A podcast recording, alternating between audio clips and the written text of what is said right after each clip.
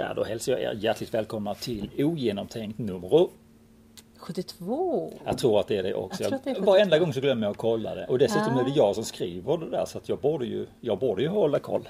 Ja, men jag lyssnade faktiskt igenom 71 igår. Okej. Ehm, för att komma lite stämning. Och det tyckte Mm. jag, jag blev lite överraskad över mig själv. Jag måste nästan säga Ja, det. ja. För att jag lät så himla brysk. Lät du brysk? Och jag tyckte det. Mot, eh, mot folk som har det sämre ekonomiskt.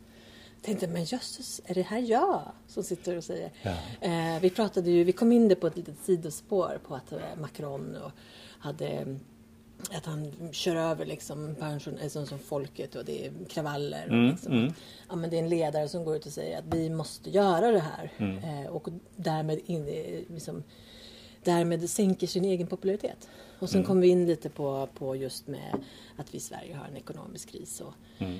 med eh, att, jag, jag var nog inne lite mer på medelklassen. Jag tror att det är bra att förtydliga det. Mm, att mm. eh, för många i medelklassen som kanske har liksom man ligger lite på gränsen till Lyxfällan nästan Mm. och har inte behövt man har inte behövt att vara orolig för det just för att räntan har varit låg och sådär. Mm, Och samtidigt så har vi ju i Sverige väldigt höga lån och, och ehm, ja, det är lite förutsättningar för att när det sticker iväg så förändras det. Mm. Och som vi pratade om alldeles, vi pratade om det innan, innan vi startade här med att hade man en hyra för ett halvår sedan så kan den ha stuckit iväg lite nu. Det kan den ha gjort ju. Ja, precis. Jag kan inte ens komma ihåg att du var brysk. Jag kan inte komma ihåg någon gång faktiskt. Så. Nej, Men det kanske tål att upprepa den här premissen då. Ja, det är bra. För eh, ogenomtänkt är ju speciellt på just det sättet att vi ska ju få lov att tycka och tänka vad vi vill för att vi kan ångra oss. ja. Vi kan låna någon annans eh, eh, tankar och, och försöka gräva ner oss lite grann i det där. Mm, och vi är inte färdiga. Nej. Och det är inte, i vissa fall har vi, har vi ju förberett. Ja. Men, men det är ju inte färdigt ändå. Nej. Mm. Nej, det kan ju liksom bli en eh, fortsättning om man skulle komma på andra tankar om, om det man har sagt och, och Mm. så. Och jag, tycker, alltså jag skulle inte kunna ha den här podden om det inte vore för premissen. Det, det, det skulle inte gå. För jag har ändrat mig under livets resa kan jag säga. Mm. Så att, eh, och, och jag är inte död än så att det kan bli många förändringar till. Helt enkelt. Så, Mm. Ja, och det tycker jag är lite spännande. Ja. Faktiskt då. Ja, och det måste man få göra. Jag tror för min del så är det ju att jag är ju född röd. Det har Ja. säger ibland. Ja. Jag kommer från en väldigt röd bakgrund. Så att ibland kan jag väl, och jag har väl liksom förflyttat mig lite i det. Mm. Eh, och på ett sätt tror jag också att det röda har förflyttat sig lite. Eh, hur man ser på människan. Säkert, ja men absolut. Eh, ja, för att idag så har man kanske mer omhändertagande liksom. Mm. Kanske snarare än att man att människor har förmågan att Mm. klara sig själva och reda ut. Och jag tror ju att mycket av det här kan, det kan leda till någonting gott. Att man får anstränga sig, att man får uppleva tuffa tider. Mm. För att man då eh, inser att ja, men vi kunde ju liksom kapa halva kostnaderna på mat utan att det egentligen blev så värst mycket tråkigare. Mm. Eh, bara genom att välja lite andra råvaror och Mm. kanske också att man väljer lite mer råvaror och mindre färdigt. Och Mm. sådär. Precis. Nåja, Mm. Hur mår du? bra. Det är ju en väldigt fin dag. Det är en väldigt fin Vi dag. kan säga det. Vi har soligt idag. Det är kanske varmaste dagen på året hittills. Ja, hittills i alla fall. Ja. Så jag satte på mig min vanliga, eh, fast, faktiskt höst och vårjacka och det blev väldans varmt. Mm. Jag kan tycka det är roligt är att i Sverige när det blir knappt 20 grader så upplever man det som så oerhört varmt. Mm. Eh, och jag som bodde i Australien, jag- tar det angående för jag lyssnade på en liten diskussion i någon podcast där de pratar just om att ja, men hur det kommer bli när det är, liksom redan nu så är det ju väldigt varma sommar. Det har kommit en rapport från om det var IPCC som specifikt rörde Europa där man sa att sommarna bara blir varmare och varmare. Vi har aldrig haft så varma somrar. Eh, och hur, hur det att hur det påverkar vad man kan odla och, och också hur människor reser. Att man inte kanske vill resa till de varma. Liksom. Nej men Italien vill vi inte resa till på sommaren för där är det ju 40 grader. Och där jag då tänker att nu beror det ju lite på hur torrt det är och, eh, och hur fuktigt och sådär. Så det, Ja. det kan ju upplevas väldigt olika. Ja. Men, men jag skulle ju ändå säga att som du har bott i Australien där det var 40 grader eller mer Mm. eh, när det var som varmast. Det gick alldeles utmärkt att hantera det. Mm. Sen så, sen så gör, väljer man ju kanske att göra, göra på ett annat sätt. Att man är, ligger inte och steker sig på, på, på stranden en hel dag. Nej. Det går inte. Nej. Utan man, man, och man, är, man har ett helt annat tänk när det gäller Mm. solskydd och att liksom täcka kroppen, täcka nacken. Och så, här, så solen är farlig liksom. Mm, Eh, så ja, men det är lite det här återkommande. Eh, Att oavsett hur- anpassa sig. Att anpassa sig. Och att vi, många saker har vi lösningar på. Mm. För att folk är Det var det jag tyckte var roligt med David Batras lilla program. Vilket av dem? David Batra körde ju det här eh, Hemskt väder. Eller, Ja, just. Ja, just det. Ja. Ja, det stämmer. Eh, där han var i extrema klimat. Och då var han ju verkligen i, i det varmaste varma. Ja. Men bara att man är på ställen där det är...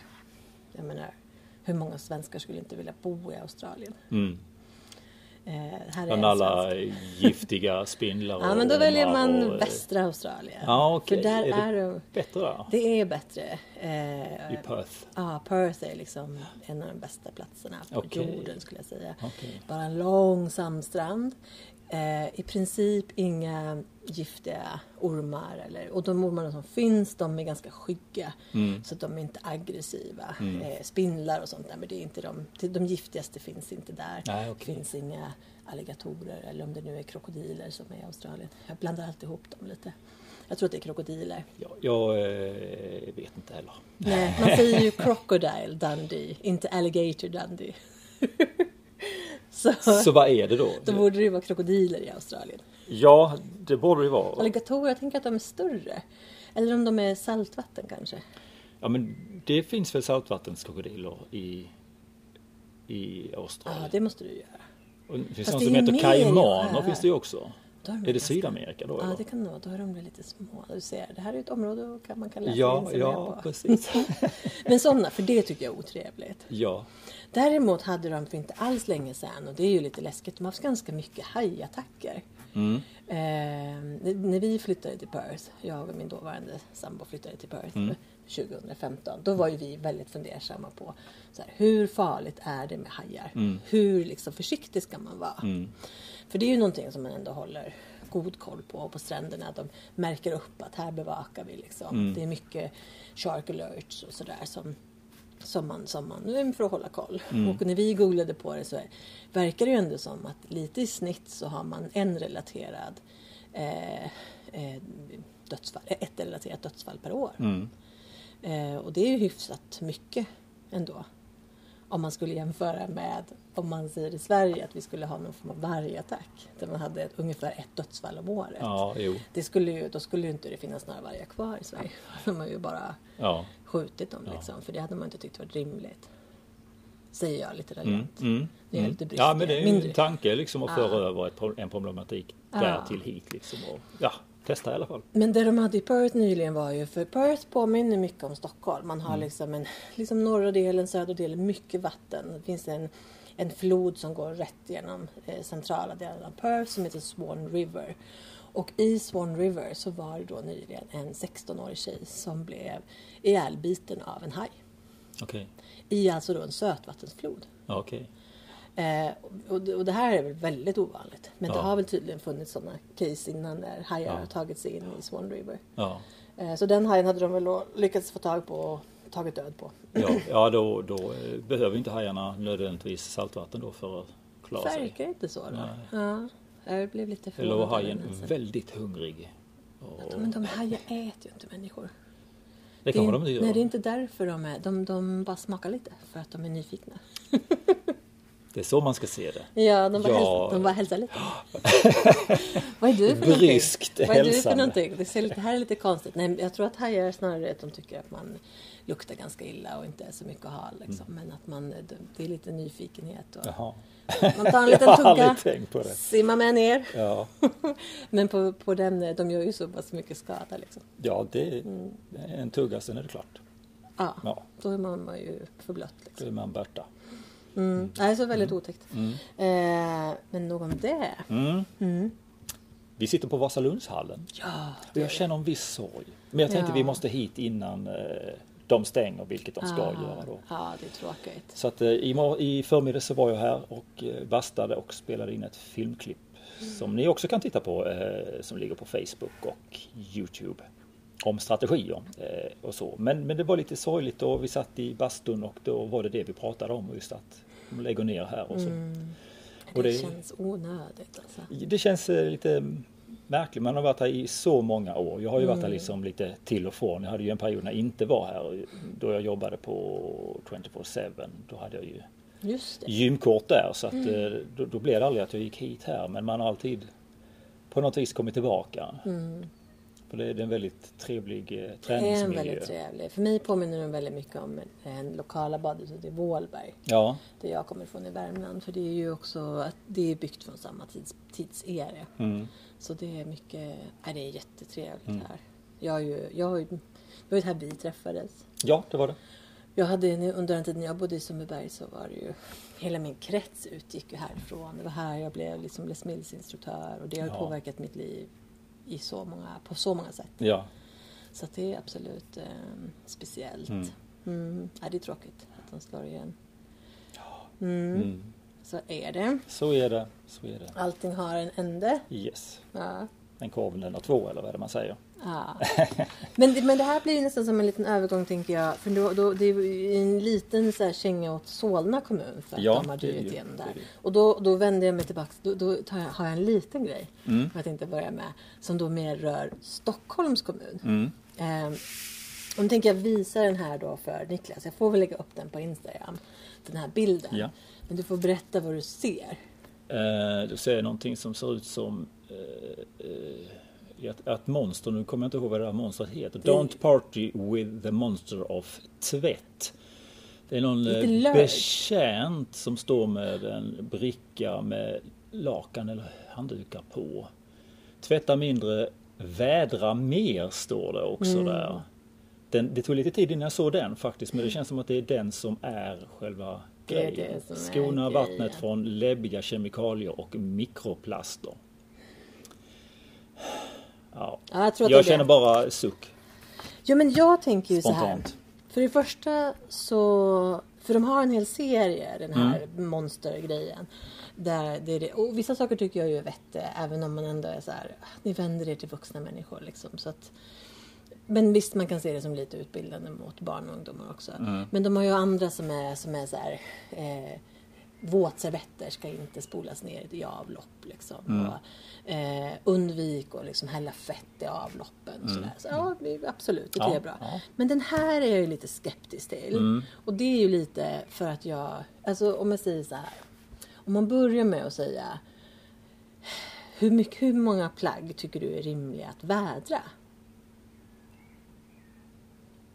Alltså Ja. vilken typ av, typ av plagg? Ja, det är väl lite finare kavajer och sådär. Det är väl det som jag i så fall. Nu är det så ytterst sällan jag använder det så. Men, Eller Mm.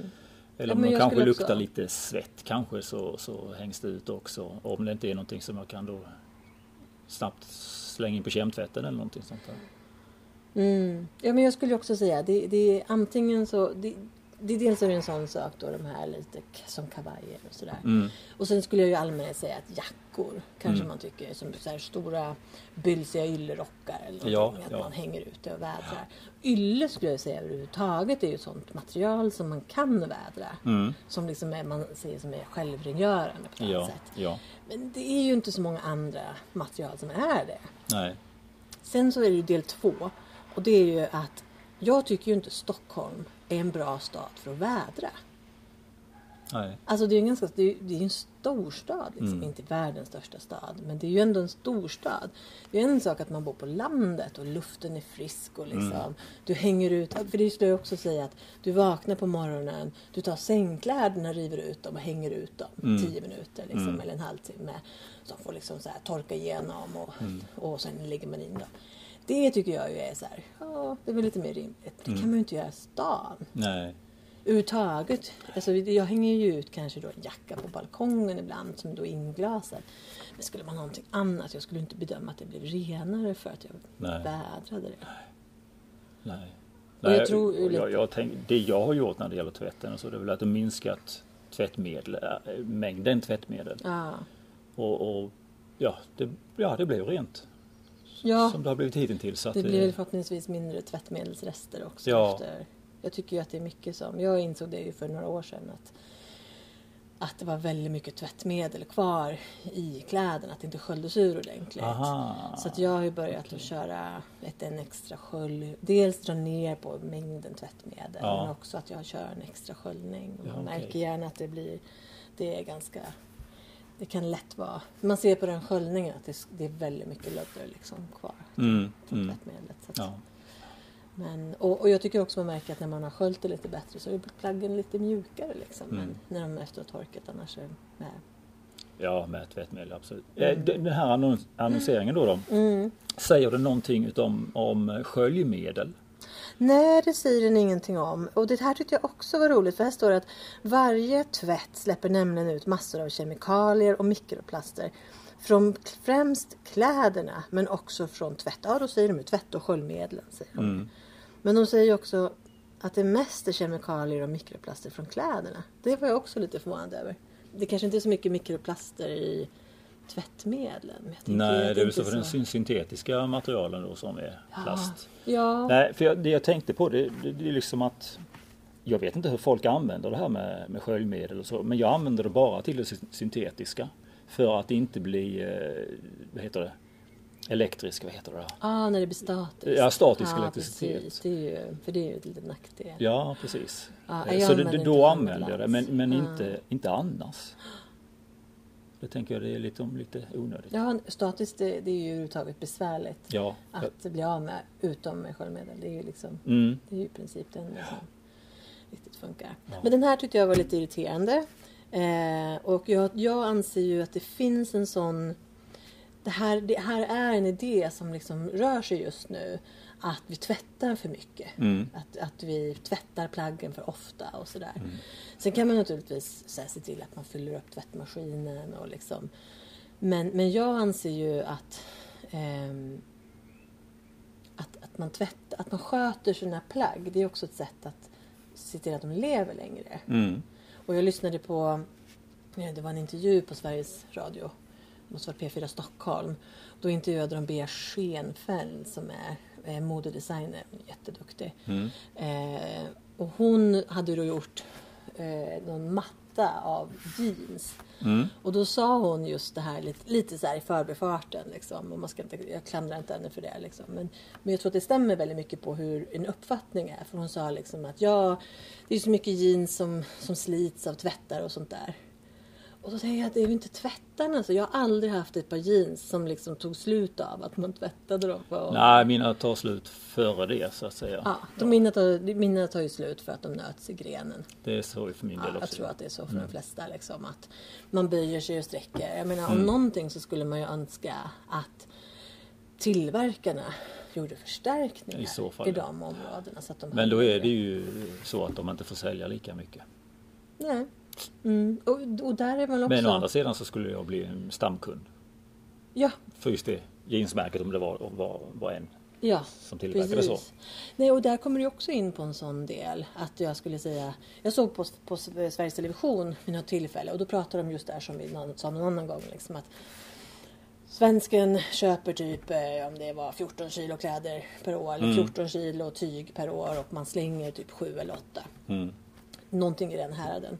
Men sen så visar man också ett tårtdiagram för hur miljöbelastningen ser ut Mm. beroende på vilken tillverkningsfas det är eller, eller vilken livscykelfas det är i. Och då konstaterade man ju att eh, tillverkning, transport och de delarna, alltså innan plagget kommer till mig. Ja. Det är liksom jätte, det är där belastningen ligger. Mm.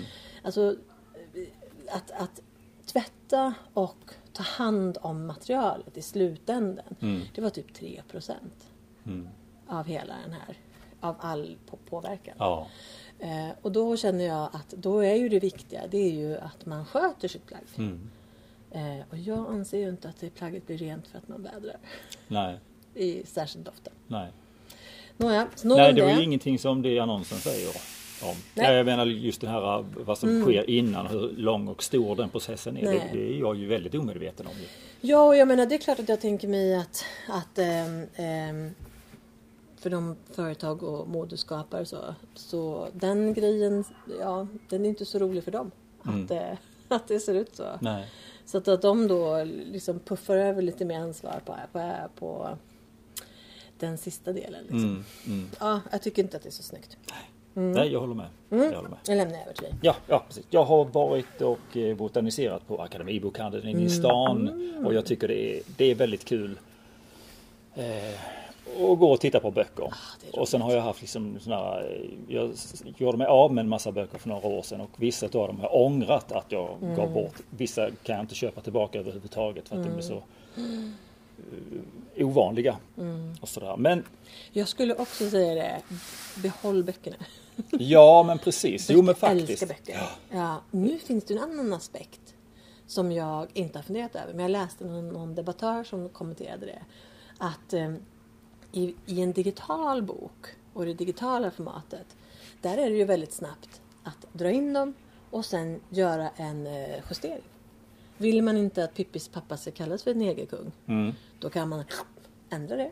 Och sen så är det det som är ute liksom. Ja. Så att, eh, medan ett tryckt exemplar, kanske inte så himla viktigt just det exemplar, eller exemplet, Nej. men ett tryckt exemplar, det är ju det som författaren skrev. Mm. Eh, och idag så är man, har det ju varit lite diskussion om att man har justerat det i Roald Dahl och eh, där, där det faktiskt, så här, det är ju en realitet att, Mm. att eh, man tar sig den friheten. Mm.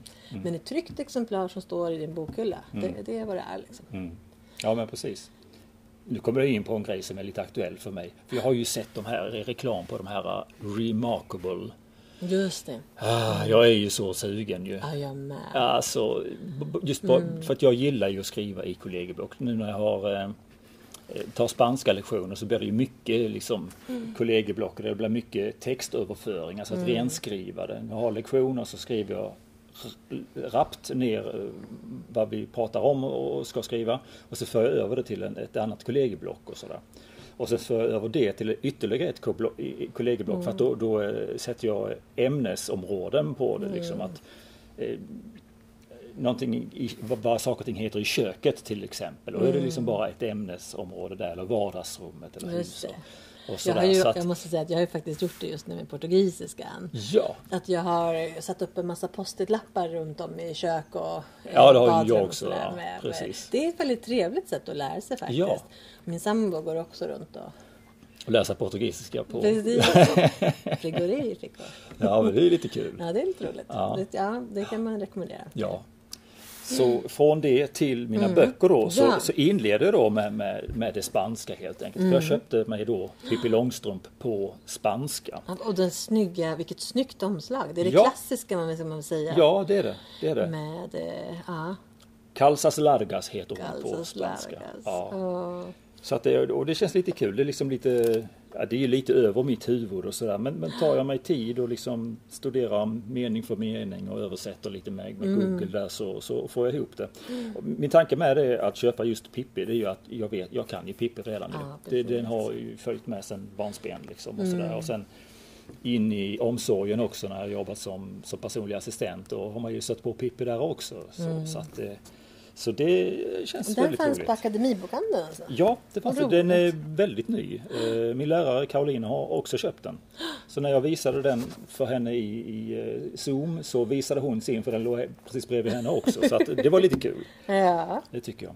Och sen så gjorde jag mig av med eh, en tysk bok som jag hade haft tidigare. Alltså nybörjarkurs i tyska helt enkelt. Så då tänkte jag att ja, men då köper jag en ny. Så jag köpte en eh, rätt så, och den är rätt avancerad. Ja. Lieber Deutsche. Läsa tyska. Vad heter det? 2.0. Nej, jag vet inte vad det heter på tyska. Ja, jag kan inte tyska Nej, alls. okej. okej. Ja. Ja, nej, jag har ju läst väldigt lite och sen har jag sjungit mycket på tyska ju. Ja, ja, ja. Eh, Så att då gick det, det är inte så svårt faktiskt. Mm. Ska man, skulle, skulle man bara vilja lära sig ett språk så tror jag att tyskan är liksom det första egentligen. Ja, jag skulle ju då, om jag får säga, då skulle jag säga italienska. Det har jag ju insett när jag pluggar portugisiska att, Mm. att jag, italienskan är snäppet lättare. Den är ju, det är ju lite mer grund också för de latinska. Ja, om man inte läser Ja. latin, renodlad latin Ja, förstås. så kan det nog faktiskt vara. Ja. För det är ju väldigt mycket från portugisiskan som grammatiskt sett så är de ju väldigt lika. Och jag har ju ingen uppfattning om spanska, men det är väldigt likt. Mm. Eh, men det är lite lurigare med uttal och liksom. Ja. Italienskan den är så liksom kraftfull Ja. och liksom tydlig. Och det finns inte så mycket undantag från regler och sådär. Så att, tacksam och mitt, mitt, som jag tycker är en stor grej med portugisiskan är att munnen vill inte liksom röra sig på det sättet. Liksom. Nej. Så jag får liksom nästan bli trött i munnen Ja. av att försöka. Men det kände jag heller aldrig med, med, italienskan. Nej. Mm. Nej, men okej. tyskan? Ja, tyskan. tyskan. Eh, Och det är mycket ord där som man kan liksom lista sig till vad det betyder. Ja. Så att, eh, ja men det är lite kul och jag tänk, det här är liksom ingenting jag ska plugga utan jag tänker att ja, men jag kan eh, eh, liksom bara göra det för, för skojs skull och ren underhållning. Entschuldigung ist hier noch frei. Ja bitte schön servus. Det är alltså, får man sitta här gissar jag. Er- Ist hier. Ja, nej, nu gör jag som sagt var inte jättebra på det men eh, ja. Det tycker jag är kul. Ja. Och sen så Ja. hade jag rysk bok också i Ja. ryska då. då. Eh, Redo de ut de här nu på... Alltså, nej, jag ska- jag skojar. Vad- vad sa du? Jag hörde inte vad du Alltså, sa. de reade ut dem. De här ryska- ja, De här ryska böckerna vill vi... vi kan ta reda på det. 359 kostar text. Då- Nej, textboken kostar 450 och 359 kostar det kostar. övningsboken. Så att det kostar. Det ligger på topp. Men det är också en sån här grej. Jag hade en, en eh, kurs i ryska och jag, tyckte, jag, jag gillade den. Men sen så blev det aldrig av att jag läste och då tyckte jag att nej men då kan jag skänka bort den. Ja. Och sen efteråt så tyckte jag att nej men det var väl dumt gjort. Det, det är liksom, låt, om man, man säger så här att jag, jag lär mig den här första boken som jag eh, hade köpt här i, i tyska och den här i ryska. Ja, men då kan jag ju våldsamt mycket mer än vad jag kunde innan tänker jag. Och jag behöver inte lära mig mer heller. Spanskan vill jag gå vidare med ytterligare och så. Men, men eh, det är bara kul att kunna eller när man här jobbar på anläggningar så förr eller senare så träffar man på en ryss. Eh, Eller någon, ja tysk kanske man inte stöter på så. Men det är i alla fall kul att kunna liksom växla några ord sådär. också. Ja, det är ju lite mm, samhällssmörjning. Eller Ja, man säga? ja men social precis. smörjning. Mm. Ja, Social smörjning, ja precis. Men sen övergår jag gärna till till svenska och, och ja, jag, t- jag tänker liksom att det är Mm. Ja, bra det är för för dem om de lär sig svenska liksom ur säkerhetsskäl och sådana saker också. Ja, ja. Tycker jag. Eh, och då kan man ju och nu har jag ju sjungit på ryska också. Eh, eh, på, Och då lär ni ju att träna ett uttal. då, då lär man sig uttal och sådär. Eh, och jag tycker det är ett fantastiskt vackert sångspråk. Mm. Så jag tänkte faktiskt ta och gestalta detta i en liten sång faktiskt på ryska. Det blir bara en vers Ja! jag har inte läst mig så mycket. Men i alla fall, och det heter, den heter En natt i Moskva. Jag vet inte om ni känner till den? Känner du Känner den? väl till Du det. känner väl till den? Ja. Hur väl kommer det sig? Ja, det, det, den spelas mycket i mina kretsar. Jaha, Ja, så den Okej. lyssnar vi ofta på hemma. okej. Ja, ja, Ja, jag ja. tror det om det nu är... Ja men då kan du ju, då, tar du, då tar jag första versen så tar du andra Ja, versen. Jag sjunger inte mycket. Men börjar du? Ja, nej, men jag kör eh, första versen här. Och där är ju då en reservation för mina uttal. Då, då, så. Men, men jag vill eh, och, och kunna sådär. Neśli wsniwsa duda się szorachi, wzozde samerloda otera, esli wznali wuj, как мне дороги, подмосковные вечера. Если б знали вы, как мне дороги, Padmaskovnie vječera. Ja, det var nästan synd att du slutade där. Det, är, det här är ju riktigt så här ja, Jag vet, jag hörde orkestern ja, inom mig. Ja. Sådär, så att, jag kan säga att jag, den som vi brukar lyssna på det är ju ett klipp från Hylands hörna. Det får man gärna googla på. Okej. Okay. Eh, och jag kommer inte ihåg vad den mannen heter. Jag tror att han är en norrman som är med och sjunger där. Okay. Och han, han, Hyland är, liksom, är lite fräck och då är den här sångaren lite fräck tillbaks. Det är ganska roligt klipp. Jag kommer nu var länge sedan jag såg det. Okej. Men som sagt, vi kör den ofta och också i vissa grupper då så umgås vi så sjungs också Okej. fast på svenska då. Ja, Men det kanske får bli nästa steg då att vi börjar Ja. sjunga den på ryska. Ja men precis, Ah. precis. Ja nej men jag tycker det är ett väldigt vackert sångspråk. Och vill man googla så Dmitri Vorostovsky, eller H. Vorostovsky kan man skriva. Då kommer man till en, en fantastisk sångare som, eh, jag säger inte mer. det Ja, är det en var ett absolut trevligt favorit. inslag. Precis. Eh, vidare i bokhögen, här kommer då en som heter Varför vi beter oss som vi gör och äntligen har jag hittat den bok som jag har letat efter. Eller som jag önskat mm -hmm. att någon skriver åt mig. Ah, ja, ja. Och det handlar om människans biologi och varför vi är på det sätt som vi är. Och han använder sig också utav eh, de tankarna som jag brukar eh, ägna mig åt. Liksom, vad, hur betedde vi oss för 10 000 år sedan? Mm. Så han kom in på jägarsamhälle och sådana saker också. Hur vi har utvecklats. Han började då med hjärnans förmåga. Mm. Eh, och hur den ser ut och skillnader mellan kvinnor och män och sådär också. Mm. Och... Eh, Då kommer du komma och toucha lite på vad jag ska prata om idag. Eller åtminstone ska man se en liten koppling där stråk där ja. Ja, det är ja, ja. utmärkt. Robert M. Sapolsky heter den här mannen. Eh, och underrubriken då, biologin bakom människans bästa och sämsta sidor. Mm. Och han tar verkligen upp allt. Har du börjat läsa det? Jag har tittat, ja, jag har ögonat igenom den och så. Uh Men, men som det ser ut så, så tar han med rubb och stubb. Eh, och mensproblematik som jag har fått lära mig här och mm. eh, prostataproblematik som jag själv får uppleva. Mm. Eh, och det leder då faktiskt över till nästa bok, nämligen männens bok om just prostatan och sådär. Ah. Eh, och jag tänkte faktiskt ta och eh, outa mig själv för jag har ju varit lite sjuk här på sista tiden ju. Eh, och det inledde med att jag var, hade en förtvivlad hög feber och kunde liksom inte räkna ut varför det var på det viset. Jag trodde det var influensa eh, från allra första början. Och det, det, ja. Men sen när det började gå över tiden då tyckte jag att nej, men nu börjar det bli lite läskigt när jag inte har kontroll på vad det kan vara för någonting. Eh, så då var jag ju till, till läkare och det kunde inte, kunde inte säga mer än liksom att det, det eventuellt skulle då vara Typ var eh, influensa och sådär. Men det gav liksom aldrig riktigt med sig, eller snarare det kom tillbaka eh, med kraft. Och eh, tog ju blodprover och sådär var på läkaren ringde upp mig eh, en lördag och sa att är det inte bättre imorgon så måste du in till Danderyds sjukhus och eh, kolla upp det hela och sådär. Vilket jag gjorde så att det blir två dagar på Danderyds sjukhus och ta en himla massa prover. Eh, lika många prover som läkare passerade mig ungefär. Nej inte riktigt, inte riktigt. Eh, men då visade det sig att jag hade haft någon form av urinvägsinflammation. Och det konstiga var här att första gången jag hade feber då hade jag ont precis överallt och feber. Eh, andra gången jag hade feber då hade jag inte ont någonstans utan då kände jag mig egentligen ganska frisk och hyfsat pigg för att vara sjuk. Men då hade de i alla fall hittat att jag hade haft urinvägsinfektion. Vilket är väldigt ovanligt för oss män. Mm. Eh, men då är det så att, eh, och det här, det här säger jag liksom för att vi kanske ska bli mer observanta på det, vi män då. då mm. Eh, I och med att det var så otydligt. Då är det så att då stannar en del urin kvar i urinblåsan, bakterier växer till sig och vandrar upp till njurarna, mm. vilket var fallet med mig.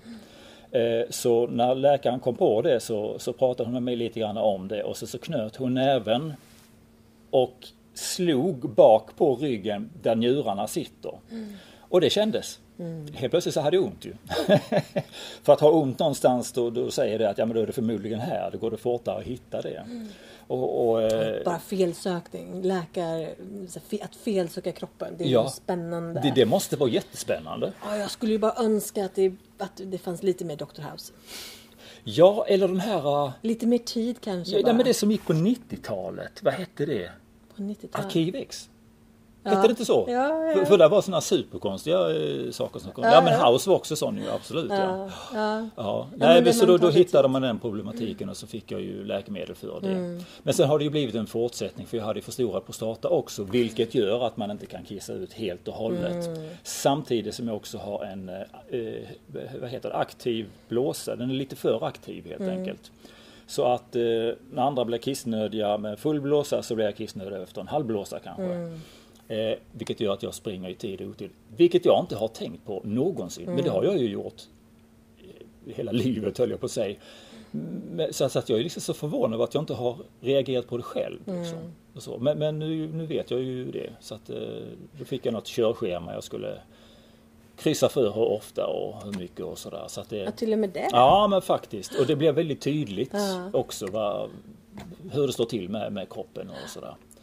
Så att eh, ja, jag fick gå till en urolog och bli ordentligt undersökt och ska vidare på, på den färden så att mm. säga. Mm. Så att eh, när jag var och tittade på böckerna så hittade jag då Männens bok om mat, hälsa, livsstil och prostata. Och då är det då Mustaschkampen som har skrivit den här boken. Ja men vad roligt. Ja, eh, så att det tänkte jag att ja, men, den där ska jag ju ha såklart och så. Eh, det är väldigt mycket, egentligen skulle man kunna säga att det är en kokbok för det finns väldigt mycket recept här. Ja, det är ju lite intressant. Ja, savoykålpudding med rårörda lingon. Och brynta rotfrukter med mera med mera och älgytterfilé. Oh, Det, det väldigt ser ju ut. inte Så dumt ut. överhuvudtaget Alltså. ser det väldigt gott ut. Ja, verkligen. Niklas verkligen. sitter och bläddrar här. Mm, precis. Jättefin. Goda sallader och så. Jag ser att Eh, du gör hundöron. Och jag- det gör Ja, mig, jag gjorde stora det gör hundöron mig lite stressad. Ja, det gör det. Ska vi ha, göra terapi av det? Så?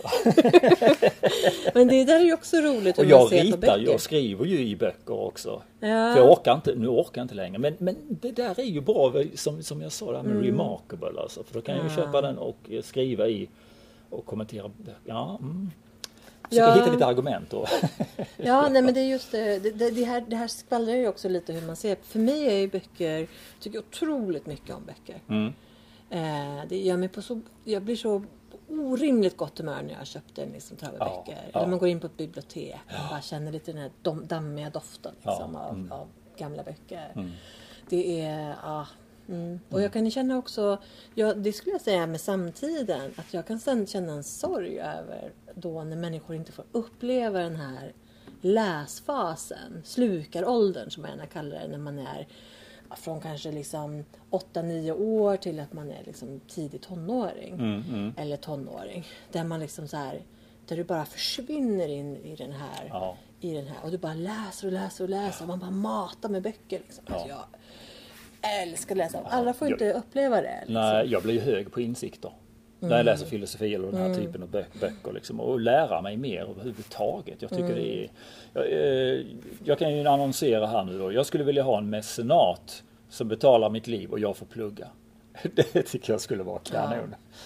Det skulle vara härligt. Det, det, ja. Jag kan ju känna att jag skulle, jag skulle aldrig vilja sluta jobba helt. Alltså det är klart att man blir äldre. Nej, ja. Men, men jag skulle vilja ha mer tid till Ja. läsa, studera och också liksom ta, lite, lite allmänt. Jag skulle vilja kunna lägga liksom kanske fyra timmar om dagen på kroppen. Mm. Alltså att så här, gå på morgonen och köra liksom en, kanske inte en, en och en halv timme yoga, men liksom kanske 30-45 minuter yoga. Mm. Avsluta med lite meditation och liksom Mm.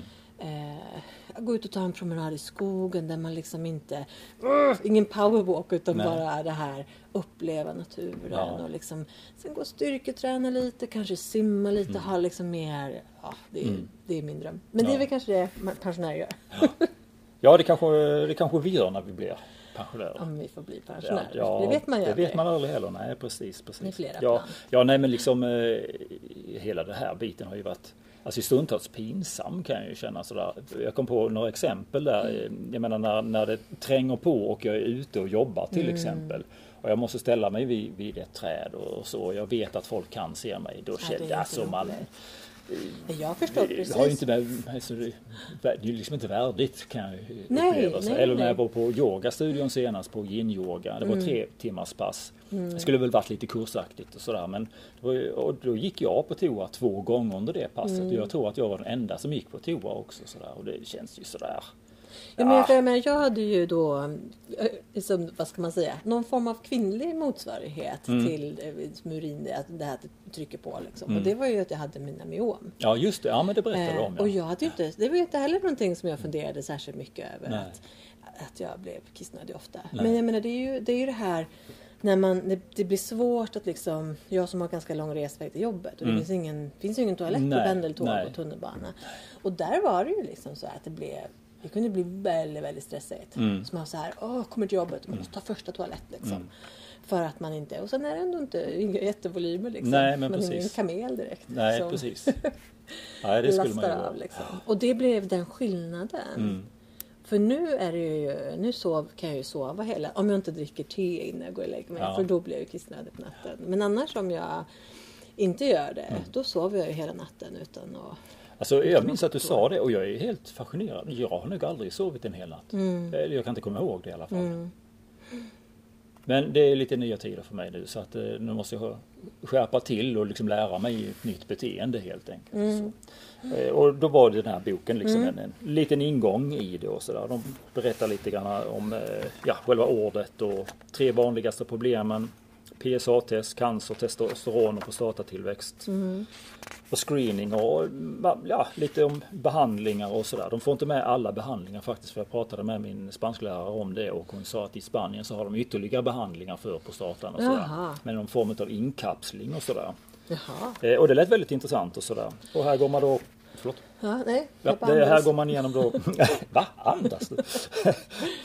Eh, Män äter mindre hälsosamt än kvinnor. Ät rätt och rök inte. Män motionerar mindre än kvinnor motionerar regelbundet. Står det. Mm. Eh, Och jag har tänkt lite grann på det där med motion. Så där, vad, vad, vad är det? För jag, jag tänkte Mm. för många år sedan så träffade jag ju en läkare. För att jag ville ha antibiotika för jag hade ont i halsen. Eh, Jag var ju sångare på den tiden så det var ju liksom mitt levebröd. Mm. Och han sa att nej egentligen vill jag inte ge dig för att jag, jag tycker det är bättre att immunförsvaret får jobba eller får motionera. Mm. Eh, och just då tyckte jag liksom att det är väl rätt korkat sagt. Eh, Men jag fick min anti- antibiotika och var glad och nöjd. Men de där orden de fastnade i alla fall. Så tänkte jag att ja, men det, det ligger nog någonting i det. Och sen dess har jag liksom funderat på vad är motion? Är det bara att ut och springa eller sticka på gymmet och sådär.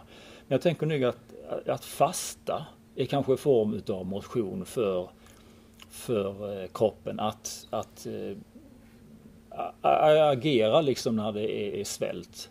Eller att man ja, bastar respektive badar kallt eller någonting sånt där också. Lite så börjar jag tänka på, på vad motion för kroppen skulle kunna Det vara. där är intressant. Jag vill För, ju, förhärda den. Ja. Ja, jag vill ju gärna tänka att motion är då motion. Ja, Så att någon form av rörelse. ja, Eh, och att det då omfattar liksom ja, all typ av rörelse. Och sen så kan jag ju säga som när man då tränar istället. Jag gör ju den distinktionen att när man Mm. tränar då är det mer eh, högre puls, svettigare Ja. eh, sådär. Men motion det liksom mer omfattar allting. Men det är en intressant idé som du säger. För jag menar, när du bastar till exempel, då vidgas ju kärlen. Ja. Och om du duschar kallt så drar kärlen ihop sig. Ja. Så då får du ju en sån effekt. Det är ju också en form av rörelse. ja, ja det är det ju. Så det är ju helt korrekt. Och om du eh, fastar så ja, det blir väl någon form av då, ja, tarmarna liksom får... Vila kanske. Ja, Och övriga kroppen får agera. Starta ja. någon form av förbränning. Ja, jag kan inte så mycket om det där. Nej, men, men det det är är lite ju så jag har, har tänkt lite grann på det. För jag, jag tänker ju att jag får ju ändra lite livsstil nu. Mm. Med tanke på vad som har hänt. Jag vill inte att fler andra saker ska hända med min kropp. Eller jag vill Mm. ge mig sj- själv chansen till att, att må bra. Eh, så länge jag nu lever. Liksom, Mm. och så. så jag är lite förvånad över att jag drabbats av det redan så att säga som 55-åring och sådär. Men, ja. men, men nu det är kanske där. är vanligt, bara man inte som du säger pratar så mycket om det. Precis. Jag, läste, jag lyssnade på, på, det var på Kvartal för övrigt, och man läste in en sån text. För då var det någon som skrev, jag tror det var en lä, han var läkare i botten, men han sa det att jag har ju aldrig träffat Putin. Eh, Men det skrivs ju mycket om Putin, att han, är liksom, han har olika sjukdomar och sådär. Och att han är cancer och han är uppsvälld i ansiktet och det är all, alla möjliga saker som han beskriver. Och han, han sa det liksom att eh, ja, han, han tog liksom en mer läkarperspektiv på Ja. de här olika och sa att mycket av det här att man tillskriver honom olika sjukdomar det är väl helt enkelt att det finns en förhoppning om att han skulle dö Ja. av sig själv. Mm. Eh, och det sa han att det här med att han till exempel tog att han sitter och ser lite irriterad ut och sitter och eh, vickar med, med benet. Och sa han att ja, det är en man över 70 liksom. Det är förmodligen lite trängningar liksom. Ja, eller är det liksom att han inte har lust att sitta där och lyssna på vad det nu kan Det vara kan för det någonting. också vara. Det, det brukar ju vara så till en början med, men naturligtvis. Ja, att det skulle vara lite, lite prostata. Det, det Ja. skulle väl vara högst men Ja, möjligt. ja, Men apropå det. Mm. Jag, tror ju, jag tycker att det du säger är intressant överhuvudtaget med speciellt i, i liksom, det är så i, i dagens, det är så otroligt eh, eh, samtida med just det här man pratar om transpersoner och att byta, att byta kön. mm, mm, Eh, och, och vilka liksom också att man byter kön juridiskt. mm, Vad det får för komplikationer. Vi har ju varit inne lite på det. mm. Eh, ja, det är ju liksom, jag menar jag tycker ju grunden är ju att man, att det måste fungera för samhället och olika intressenter. Mm. Och inte minst för personerna själva som, som, som känner att de vill göra en, en sån förändring. Mm. Så det måste ju finnas en vänlighet i grunden och Mm. respekt för människor som, som eh, på något sätt inte mår bra. Mm. Eh, men som sagt, det måste ske i samklang med samhället. Men sen är det ju det här, vi har en viss biologi. Mm. Eh, och jag lyssnade på de har på, på Youtube så kör de lite olika, kommer inte ihåg vad de kallar det, men det är ju liksom någon form av att man för ihop två grupper som har olika erfarenheter. Och då hade de eh, en grupp med konservativa män och en grupp då med eh, transmän, det vill säga Mm. kvinnor som har bytt till man, män. Mm. Eh, och det intressanta där var ju dels att eh, förutom då kanske en av de där fyra männen som då, kvinnorna som då har bytt kön eh, och lever som män, så hade man, de var ju, de passerade som män. Hade man sett dem på stan så hade man aldrig reagerat. Mm. Det enda som, man liksom, som, som, som stack ut lite var ju att när man såg dem på håll, de här fyra män som då är födda män och fyra män som är födda kvinnor. Mm. Så var ju fyra män som är födda kvinnor var ju betydligt kortare. Mm. Så de var mindre. Men på nära håll så såg man ju inte några kvinnliga drag. Liksom. Nej, okej.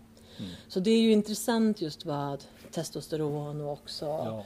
och också hur man klär sig, klipper håret och så vidare. Mm, mm. Men det var ju en av dem och det är en, en eh, det finns Buck Angel tror jag han kallar sig då, som bor i, i Kalifornien.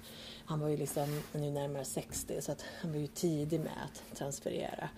Eh, men han sa ju det att han har ju då fått byta kön både på sitt pass eh, och körkort men också på sitt födelsecertifikat. Och det är ju lite intressant. Och han sa att idag vet jag inte om jag tycker att det är rätt.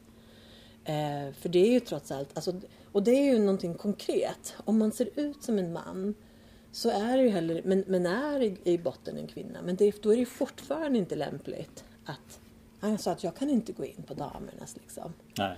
Om Nej. jag går igenom en passkontroll, det blir väldigt konstigt om det står kvinna i passet. För jag ser inte ut som en kvinna. Mm. Och det är ju konkret. Ehm, samtidigt som om han då kommer in eh, och faktiskt har problem med myom. Mm. Eh, som, som, det, där har du ju liksom, biologin är fortfarande där. Mm. Eh, eller om man fortfarande har kvar äggstockar, det beror på vad man har gjort för någonting. Mm. Men, men kroppen är ju till, till sin del fortfarande den den är född i. Mm. Och det är ju också någonting som man måste ta hänsyn till. Mm. Vare sig man vill eller inte, så är det så. Ja, men det är intressant och jag tycker att man... Jag tror ju att man behöver, man behöver vara väldigt tydlig med Mm. skillnaden mellan män och kvinnor. Mm. Och sen hela spektrat där. Mm. Eh, så att man får rätt sjukvård. Mm. Ja, För som sagt, som man ska man ju inte bli... Man, ska ju, man måste ju upptäcka urinvägsinfektioner hos män, även om det Ja. är mer vanligt bland kvinnor. Ja, precis. Nej, det var ju det första hon sa sådär att det, det kan vi slå ihåg, tyckte hon då. Mm. Men, men eh, det var där det satt liksom. Så. Och jag, jag är så förvånad över mig själv att jag inte har upptäckt eller tänkt på det ens en gång. Det var en annan kompis som sa att, att jag eventuellt hade eh, lunginflammation sådär. Har jag aldrig haft i livet heller. Och Mm. tänkte jag att det, det får man väl det, jag var ju öronbarn så att möjligtvis det skulle jag kunna få det, men det hade jag ju inte heller. Så att eh, ja, det var lite ett nystande det där med att komma fram till det och sådär. Men, ja, men, eh, urinvägsinfektioner, det är ju en sån. Om man inte behandlar det i tid så är Mm. det väl en ganska vanlig för som leder till sepsis. Ja men exakt, exakt. det tycker jag, det är, ska man Precis. absolut ha koll på.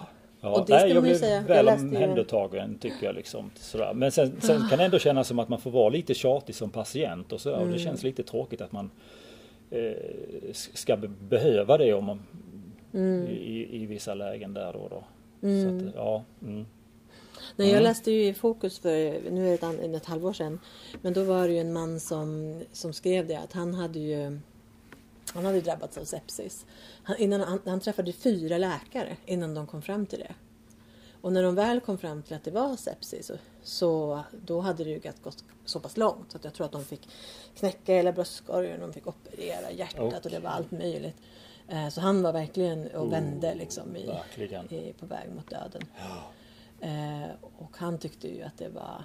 Ja, han, han riktade väl ganska hård kritik Mm. mot att man faktiskt inte tog det tidigare. Mm. Det tänker jag borde vara Det borde vara en sån man checkar av. Mm. Att låt oss kolla så att det inte är det. Vi går från det värsta till det Ja. mindre värsta scenariot. Jag vet en, en eh, kollega som hade tinnitus och det var tilltagande tinnitus. Och då gick han till läkaren och, och sa att nu, nu kan inte jag sova längre, nu måste vi göra någonting. Och då resonerade läkaren så att ja, men vi gå- utgår från det värsta. Så att då, då gjorde man en eh, röntgen av skallen och hi- hittade cancer i, i, eh, i eh, örontrakten där så att säga. Mm, så det var det som då... Ja, så att det var därför han hade tinnitusen då. då. Så att Ja, då det opererade man honom det då. Han blev döv på det örat då, då men, men eh, han klarade sig i alla fall. Ja, och blev av med tinnitusen? eh, det vet jag inte men det måste han ha blivit tänker Ja. jag. Det, det, har han, s- det kan jag kolla. Ja. Du har träffat honom dessutom. Mm, för vi stod på bakeriet här. Ja, uppe och så stod han där i, Mm, ja men just precis, precis. Ja, ja, du ser. Ja det är otroligt, det är otroligt. Ja. Ja, men jag fortsätter prata lite grann här Ja. om eh, det. Män dör tre och ett halvt år tidigare än kvinnor. Stressa mindre. Okej, tre och ett halvt år tidigare än kvinnor. Då tänker jag att ah, men kvinnorna behöver ju lite lugn och ro innan de dör. Så att, eh, ja, jag vet inte ja, det är inte mitt skämt, det har jag hört. Jag Ja. tyckte bara att det var lite skojigt. Orsaken till varför män dör tidigare. Ja, där är det ju intressant också att eh, in, inte minst förr så var det ju vanligare att man gifte sig med en man som var några par år äldre. Ja, också. och om man då. Mm. gifter sig med någon som är 5-10 år äldre, då blir det ganska många år som man, Ja, blir det. personen går i- iväg i förväg. Precis, precis. Eller förväg, men du vet. Ja. Sök sociala kontakter. Gemenskap är en friskhetsfaktor. Tala med dina vänner om din hälsa. Ja, ja, jag tycker att jag har ett ganska bra socialt liv. Och det är väl orsaken till att jag pratar om detta här och nu också. Att vi kanske ska bli mer medvetna om hur det går till att få problem med prostatan och sådär. Ehm, jag hade inte en susning om det innan. Jag har naturligtvis hört talas om mustaschkampen och så tidigare. Men just hur saker och ting yttrar sig och sådär. Det har jag varit helt omedveten om. är när jag börjar prata med mina kompisar om det också. Så jag- då är det frågan, ja, var sitter den någonstans? Inte ens det vet vi. Eh, inte alla i alla fall. Så att eh, ja, det känns väl bra att kunna dela med sig av det. Och sen pratar de om ja, PSA-test och, och lite sådär. De nämner också hur mycket de har skänkt bort i pengar till eh, själva forskningen. Så här 69 miljoner. Det de inte säger det är lite mer specifikt till vad tänker jag. Jag skulle vilja veta lite grann mer om det. Jag är ju väldigt kritisk till det här med att skänka pengar och sådär. Jag tänker Och att det jag inte vill är ju så veta mycket heller. lite mer. Nej, det kanske det inte är. Jag vet faktiskt inte. Nej, hur- forskning är ju inte billigt. Liksom. Nej, nej. Så jag skulle vilja veta vad har de fått för de här 69 miljonerna? Mm. Hur, vad har man kommit fram till? För det är ändå är det 10 eller 15 år de har hållit på nu. Ja, det är någonting sånt i alla fall Mm. med mustaschkampen. Eh, Så att där hade jag faktiskt velat veta lite mer. Då kanske jag också lite mer hade blivit villig att ge så att säga. Men eh, Mm. det, ja, det får jag ta reda på i så fall. Ja, men det där tror jag är en sån sak. Jag tror att många i Sverige är väldigt villiga till att ge och sen förutsätter man att det liksom används på ett vettigt sätt. Ja, det, precis. Men jag vill veta eh, vad det Ja. används till. Ja, jag tror att det är många gånger så blir man besviken på hur det används. Mm. Om man skulle, när man, när man får höra saker. Ja, nej men jag bara tänker på det just eh, när jag fick veta det att man har ytterligare behandlingsmetoder i Spanien. Ja. Eh, Jaha, men eh, det räcker med att man sätter en person till att ringa runt till alla världens länder och kolla hur gör ni för att få andra resultat. Mm. Det har ju varit rätt billigt. Ja, nej, men det var, ju- det var ju precis motsvarande med myom. Att eh, den, Ja. På Danderyds sjukhus att de ju höll på med en studie, eller håller Just på, jag det, vet inte, just de det. borde kanske kunna vara klara vid det här laget med den delen i alla Mm, fall. Men där man eh, använder sig av en nål och eh, skickar ut mikrovågor så att man liksom, man kokar Ja, eh, det här myomet så att man destruerar det. ja. Eh, och där de, den läkaren som jag pratade med för att jag var intresserad av att delta i studien, Mm. men de var inte intresserade av mig. Eller jag ska säga så här, att de var intresserade. Men sen hade jag ju ett väldigt stort myom som, som man inte hade förstått att jag hade. Nej, okej. Eh, för att när man, och det där är ju också Så intressant. de ville ha lite, lite mindre. Hon tyckte att det var lite Lite stort. m- och det är klart, det är väl stort som en apelsin. Ja. Så att Ja, Ta hela den, är väldigt mindre, mycket. mindre myom, mindre risk kanske. Ja, jag försöker Ja, resonera jag tänker bara, det här är min sambo väldigt fascinerad av. Vad, så här, vad händer med, med materialet? Liksom? Om, du, Ja, om du kokar upp den, hur, Ja. hur tar kroppen hand om det? Det, det vill ju till att kroppen gör det för jag tänker ju liksom, jaha då blir det väl en slags kallbrand då. som kroppen inte gör sig av med. Eh, och ja, då dör man ju liksom. Ja, jag vet inte hur. Och det, det, det känns ju väldigt risky. Men det Men det är ju, jag kan ju ingenting om det där. Nej. det Nej, får jag nej, och- verkligen påpeka. Det är min, min Eh. fantasi som svävar iväg helt enkelt. Ja, men i Kina sa ju hon då så är det här rutin. Ja, ja, ja. Ja, men då så. Så att, Då så. eh, men, men som sagt, det betyder inte att det funkar i alla scenarier. Om du kommer in då med ett jättestort så kanske det är så nej det här funkar inte. Mm, det här nej. måste man operera bort liksom. Mm. För att vi kan inte göra det. Men det, det är ju, jag kan ju tycka att eh, jag kan ju tycka att det skulle kanske vara rimligt. Man säger att Eh, och jag såg alldeles nyligen en liten sån och det är återkommande i kvällstidningarna att det är gynekologer som uttalar sig att kvinnor ska minsann inte behöva blöda och i framtiden så kommer ingen behöva blöda för, att alla går på p-piller så här, och olika eh, som då hämmar och, och där tycker jag att det är om man pratar om liksom att förstå att vara man men att vara kvinna är ju också att man har hela kroppen fungerar efter en cykel för att man ska kunna producera eh, liv. Mm. Det är det som hela, hela kvinnakroppen liksom, det kretsar kring. Mm. Att din kropp är gjord för att kunna skapa ett, en ny person. Mm. Och om man då sätter, om man då sätter in ett, en, ett, som sätter in hormoner som gör att nej, vi parkerar dig på ett visst läge i cykeln. Mm. Ehm, ja. Vad är konsekvensen av det Vad är längden? konsekvenserna av det? Och framförallt så kan jag tycka att, att eh, det man... Jag har full förståelse, som sagt, jag hade ju mm, som problem att jag fick låga järnnivåer. Och det är Ja. ett konkret problem. Men, men det var ju bara en, en, det var en biverkning av att jag hade de här myomen. Ja, När okej. man tog bort myomen så försvann det problemet. För då slutade jag ju med de här massiva blödningarna. Liksom. Ja. Och där kan jag ju tycka att ska man då, om man då tar bort blödningarna men man har- kvar så, så här, man har kvar själva orsaken. Mm. Och myomen de fortsätter ju bara växa liksom. Och jag hade ju inte blivit av med att springa upp och kissa på natten. Nej, och så här. Det hade ju fortfarande varit kvar Ja. även om jag inte hade haft problem med blödningarna. Så jag kan ju tycka att eh, så här, undersök vad det är som är fel Mm. istället. Om, om, om det är någonting som är fel. Och har har man, har man jätte, alltså man blöder jättemycket. Mm. Då är det förmodligen någonting som, som orsakar det. Och jag kan tycka att det är lite tråkigt när man bara säger så här. Ta den här tabletten så slipper du. Då slipper du skiten. Liksom. Ja. Och sen så ska man bara 30 år senare, eller- åtminstone 15 år senare kanske, så säger man att nu slutar jag ta tabletten och då blir det barn. Liksom. Eh, och så, då ska det bara, då ska kroppen bara... Återställas. Det är som, å, det är som en av och på-knapp Ja, liksom, vilket ja. jag är så här... I don't know, jag, men jag tror på det. Ja, men det var lite både om mig och böckerna. Ja, Ja, trevligt. Det är trevligt att köpa böcker. ja Men det är det verkligen. Det är det Då, verkligen. då tar jag mitt, mitt, mitt dagens stora ämne. Ja, okej. Ser Niklas lite skrämd ut för att ibland kan det bli väldigt Ja, nu tittar jag sneglar lite på klockan här också så Ja. vi, vi ska sluta om en stund. De stänger ju vid fem. Så att, Ja, ja. Då, Och sen vet så jag ju lång att tid det, får det inte ta. Nej, nej. Det, det vet inte jag. Nej, men, nej, men vi börjar lite här. Jag har ju det den här senaste månaden och det har varit väldigt mycket tycker jag i den här frågan. Men senaste månaden så har jag funderat på andra generationen.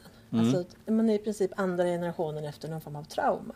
Mm. Det började med att jag läste en liten, en liten debattinslag, debattartikel kan vi väl kalla det, i Expressen. Och om man är nyfiken så var det här då från 28 mars 2023. Mm. Eh, och det var då en debattör som heter Isan Celisoglu. Jag kan inte uttala det. Nej. Eh, och han kommenterade då eh, Alice Teodorescu Måwe från Dagens Nyheter. Och han, jag läser det här lite till och säger han att, eller han citerar henne som då säger att eh, vänstern har ägnat årtionden åt att påstå att kriminalitet beror på fattigdom. och därför befinner sig Sverige nu i en återvändsgränd. Tar en klunk vatten. Jag kan dementera det direkt. Det är dags att rikta blicken mot brottslingarnas föräldrar. Mm. Säger då Alice Teodorescu. Och nu säger Isan att eh, föräldraansvaret är såklart otroligt viktigt och centralt i ett barns välbefinnande och handlingar. Det vore konstigt att påstå annat. Det som dock glöms bort i debatten om föräldrar är att de också... nu känner jag att jag börjar hosta snart, så jag ska ta en fuktis. Och så får... det här är... Jag är ju lite känslig mot torr luft. Mm. Ja, det är väl inte den fuktigaste lokalen vi är i. Nej, trots att det är ett badhus. Trots att det är ett badhus? Inte- ja, inte längre? nej det är faktiskt ingen vatten Mm, i poolen. nej. Jag tittade in där lite grann också. De har satt upp lite ställningar och sådär. De ska väl bygga någon multihall eller vad heter det? Ja, Ja, någonting sånt ska de bygga här i alla fall. Så att det, ja. ja, för själva lokalen är ju kvar. Ja, det är det. Mm. Jag trodde nästan de skulle riva det faktiskt. Ja, men de har ju jättemycket basket och grejer så att Ja, precis. Ja. Men jag tänkte att den är ganska nedgången liksom på Mm. simhallssidan egentligen. Och så. Men ja. ja, de har säkert undersökt saker. här är ju också en sån fråga. Hur fräscht och nytt behöver det vara? Mm. Nej, Eller också. hur, hur funktionellt är det även om det är lite slitet? Mm. Jag går tillbaka så här. Mm. Det som dock glöms bort i debatten om föräldrar är att de också är en produkt av, produkt av samhället.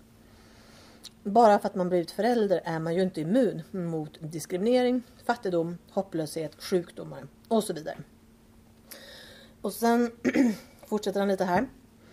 Finns det egentligen någon grupp som har större krav på sig i Sverige än att leverera som föräldrar än de i utsatta områden? Det är de som ska söka jobb, utbilda sig, bearbeta sina trauman, hantera den ekonomiska fattigdomen, uppfostra barn med sin något knackiga svenska. Sen förväntas de också vara nattvandrare, hjälpa till i skolan, de ska rösta på partier som de inte tror på. De ska delta på olika projekts föräldraverksamhet. De ska uppfostra sina barn i ett rasistiskt och diskriminerande samhälle som äter upp deras barns framtidsdrömmar. De ska ta hand om andras barn i sitt område. De ska se till att inte hamna i fattigdomsfällan. Och om de har jobb, då ska de vara glada att arbeta med minimilöner i tungt fysiska jobb och ge service till dem som debatterar om dem. Människorna i orten får alltså inte lön för att skolan, vården, tryggheten, jobben ska fungera. De får heller inte lön för att jämna ut skattesystemet eller motverka segregationen. Det svenska välfärdskontraktet och vårt skattesystem har helt enkelt inte varit uppbyggd på det sättet. Och sen säger han här, här har han gjort en liten lista. Tänk er att ni som föräldrar till tonårspojkar bor i ett område som har dåligt rykte. Ni bor i ett område med skolor som har dåligt rykte och med låga skolresultat. Det är svårt att få ett stabilt jobb med skälig lön. Ni ser poliser och ordningsvakter överallt och känner att dina pojkar är gisslan mellan ordningsmakten och kriminella. Du känner dig själv hopplös och har svårt att skapa hopp på ett genuint sätt till dina barn. Du har inte kunskap om rasismens mekanismer och har därmed svårt att ge dina barn verktyg att hantera det. Du kan inte ge verktyg till dina barn att förbättra sina skolresultat på grund av att du själv kanske inte fick gå i skolan. Eller så har du helt enkelt inte tid och ork att hjälpa till med läxorna på grund av ett slitsamt jobb. Du har svårt att förstå vad som försiggår på gatan eller i den digitala världen som allt blir, mer blivit barnens hemmaplan. Du har svårt att stoppa dina barn från att vilja ha saker som andra barn har. Och du har heller inte möjlighet att ge dina barn eh, det de ser att de flesta andra har. Det handlar om vilka föräldrar du väljer att peka på när ditt fokus är föräldraansvar. Och vi vet vilka föräldrar som pekas ut när ansvar ska krävas. Inte är det rasismens föräldrar. Och det här är då, han, det står det här, det här är då en fristående debattör som jobbat med barn, ungdoms och segregationsfrågor. Mm. Och jag läste den här och tänkte, det här var lite laddat.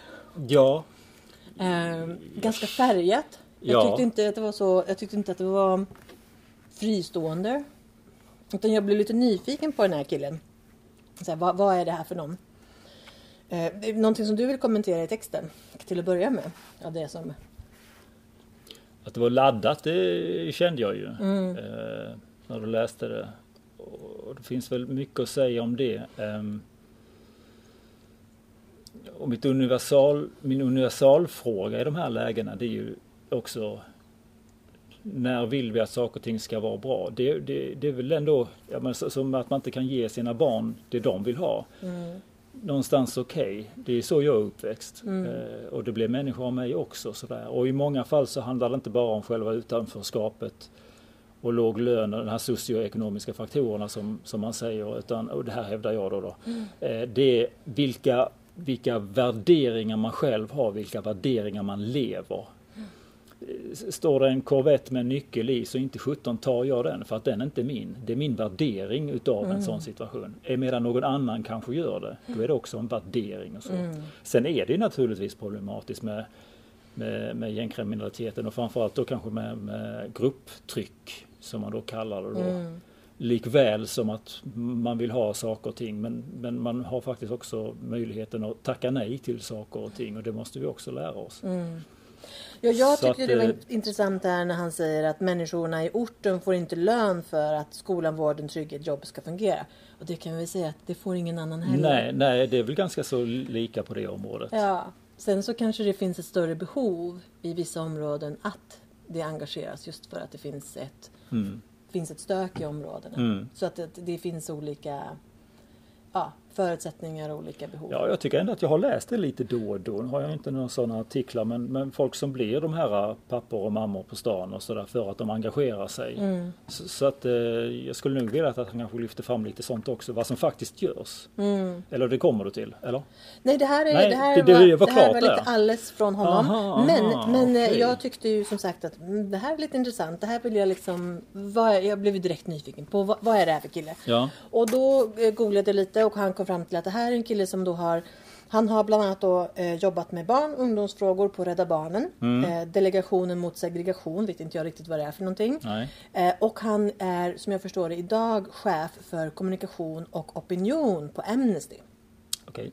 Han har också varit politiker för Mm. Vänsterpartiet. Okej. Kanske inte helt överraskande när man läste texten. Nej, inte med den texten. Så. Eh, här i Solna. Jaha. Mm, så han är är här i närheten. Eh, och han eh, bland, eh, kandiderade bland annat till, riks, till riksdagen för Vänsterpartiet 2018. Vet, lite oklart för mig om han kom in. Jag, Mm. jag kunde inte hitta någonting om det. Men han har absolut varit aktiv politisk och Mm. inte minst som kommunpolitiker som jag förstår det här i Solna Ja, okej. för Vänsterpartiet. Eh, Men sen googlade jag lite och då hittade jag en annan text som jag tyckte var jätteintressant. Mm. Och det här var då i ett, ett magasin som heter Fronesis. Känner du igen det? Aldrig hört. Nej, inte jag heller. Men sen så gick jag Vad in... betyder det? Det låter som det betyder något. Fronesis, ingen aning. Det Nej. låter ju, jag håller med att det skulle, skulle kunna, det har jag inte kollat. Ehm, men det här är då ett vänster, en vänsterorienterad Okej. tidning. Snygg skulle jag säga. Jag Mm. såg den, jag gick in på Götgatan så finns det ett pressstopp. Mm. Jättebra, bra utbud. Och där hittade jag Okej, den här. det Och den där de är- har det. Ja, jättesnygg skulle jag säga. Eh, väldigt, väldigt. Och den, jag tog med den här, skrev ut den här artikeln. Den, den här, eh, just den här sektionen som jag då som jag tänkte prata lite mer om eh, är ju då ett avsnitt från det här från ESIS. Eh, men som sagt, jag tyckte att den var väldigt snygg.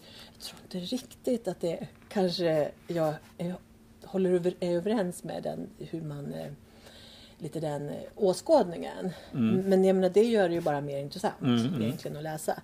Och som sagt, den, den var väldigt tilltalande så att jag kan absolut tänka mig och, och, och jag hade inte hört talas om den innan så det Nej, är alltid nej. kul att upptäcka någonting som man Absolut, inte känner Ja, till. ja. Men det här är då en text som då är, jag kommer inte ihåg vilken, vilket nummer för det här var några år sedan Mm. som den kom ut. Eh, som jag hittade det. Man kan söka på Fronesis och på, på Isans namn då, så hittar man den. Eh, eh, men det här är ett samtal eh, mellan Somar al-Nahar, kan inte uttala det heller. Nej. Men det är en kvinna som jobbar på Aftonbladet som, som journalist Mm. eh, och debattör. Sen är det den här killen då Isan Kelesioglu som jag inte heller kan uttala och sen är det Bilan Osman. Henne kanske du känner igen. Hon är ju, jag tror att hon är verksam på es- Expo. Eh, det är en kvinna som är med ursprung från Somalia. Ja, jag Eh, kan tänka mig. Jag känner igen namnet. Ja, ja eh, hon är ofta ute liksom i, i, som välkänd liksom, debattör. Men de pratar då, den här texten handlar om eh, familjerelationerna och hur familjerelationerna påverkas av att man migrerar. Det är ju jätteintressant. Mm. Eh, och som jag sa då, just den här andra generationen, hur man påverkar det. Eh, och, och, och jag sammanfattar lite här av den, men den är absolut värd att läsa. Så här, vad var dina upplevelser liksom, av att växa upp eh, med, genom att ha, eh, ja, har invandrat till Sverige. Och då pratar de bland annat om läkarbesök. Att det var någonting som stack ut för att de behövde vara med och tolka åt sina föräldrar. Och de beskriver liksom hur de, alltså att ja, jag var tvungen att vara med för att annars skulle, citat då, ehm, annars skulle de köra över mina föräldrar totalt. Och så menar de att om inte jag var med då har de ingen som står på sig och det här är ju lite som kopplar fram till det du sa förut. Ja. Men med att eh, ja, då får de inte den, den hjälpen som de då behövde. Och de beskriver liksom föräldrarna arbetade jämt för att få det att gå ihop. Eh, och att som barn kunde man nästan känna sig som, som förälder åt sin, sin förälder. Eh, de pratar lite om att, att en viss frustration över att föräldragenerationen var så var liksom underdånig. Alltså att de var så tacksamma för allt. Åh, tack, tack och åh, tack så mycket och tack, tack, tack för det här. Liksom. Medan de själva beskriver det att nu, jag som den andra generationen, jag kan kräva min rätt som svensk. Och jag är den tuffa föräldern som kan, jag är nu den tuffa föräldern som kan ställa krav. Vilket jag tyckte var intressant för att jag måste säga att det är väldigt sällan jag, jag själv känner att nu ska jag kräva min rätt eh, i, i det hela. Ehm, och, och, vad heter det? Eh, bilen beskrev liksom svårigheten i att, att vara färgad då i ett samhälle där majoriteten är vit och hur de utsattes mycket på 90-talet för, eh, för rasism och så vidare. Eh, och hur man, så här, hur hör man var hör man hemma någonstans? Hör man hemma? Föräldrarna de känner fortfarande mer en samhörighet till sitt eget hemland och funderar kanske på att tänk om vi i framtiden skulle flytta tillbaks. Medan då barnet känner liksom, ja men man är liksom klippt. Man har inte den kontakten med det gamla. Men det, känns, det finns ingen så här flytta tillbaks till vad. Eh, Medan eh, Sverige så ifrågasätts man hela tiden. Att var kommer du ifrån? Och när var liksom så här, Åh, vad bra svenska du pratar och så vidare. Att man då känner sig kritiserad. Eh, och och eh, utsatt för rasism eh, på det sättet. Eh, sen pratar de ju mycket om, om just med med språket och att föräldrarna inte har, de har inte fått rätt verktyg för att kunna liksom vara föräldrar på ett sätt. Ehm, och I vissa fall så är föräldrarna till och med analfabeter och att då komma som analfabet till Sverige och ta sig an det och liksom att ja, men de har fått dåliga förutsättningar för, att, för att fungera som föräldrar. Och de pratar också lite om det här med med hur, hur ska föräldrarna kunna ta ansvar eh, på, på det här sättet. Och Isen nämner då till exempel att jag kunde ju inte kräva att min mamma skulle följa med på föräldramötet. Vad ska hon göra där om hon ändå inte förstår vad läraren säger? Och det här tycker jag ju är, jag tycker att det är intressant. För som de säger, jag känner mig som förälder till min egen förälder. Och jag tror ju att det ligger någonting i, och det, det är det här som jag liksom börjar liksom vilja dyka i. Och lite apropå din bok, varför beter vi oss som vi gör? Eh, och just det här som jag tror att det skapas vissa mekanismer när man kommer som då andra generationens invandrare. Antingen att man är född i Sverige eller att man kommer när man är barn. För ett barn har ju ett öppet språkfönster. Så barnet kan bada i språket och switcha över till ett nytt språk. Men föräldern kan inte det. Nej. Och föräldern kommer dessutom kanske inte på samma sätt. Du sätter barnet i en, som det framförallt var kanske för 20 år sedan. Barnet hamnade i en skola, alla pratade svenska. Eh, det var, fanns ju naturligtvis undantag redan för 20 år sedan. Men, men att man ändå, du badade i språket, du fick ett rikt, ett rikt språk och du fick ett nytt modersmål. Medan som förälder så har man inte ett öppet språkfönster. Man kämpar. Även om man tränar, tränar, tränar, gör sitt bästa så kommer du aldrig kunna bli eh, flytande på ditt nya språk på det sättet. Och du kommer ha ett begränsat ordförråd Ja. och det skapar en osäkerhet. Och jag tror ju att det finns en fullt rimligt. Men att det finns en, en oförståelse för det bland, som, mellan barnen och föräldrarna. Liksom. Att barnet går om sina föräldrar och det omkullkastar ju deras relation på vissa plan. För föräldern kan inte vara längre vara auktoritär på samma sätt. Utan det är barnet som sitter på nycklarna. Ja. Eh, och när barnet då ska gå in och liksom vara vuxen på andra plan, det är man inte mogen för. Nej. Så att det blir, ja, det skapar liksom eh, svårigheter. Mm.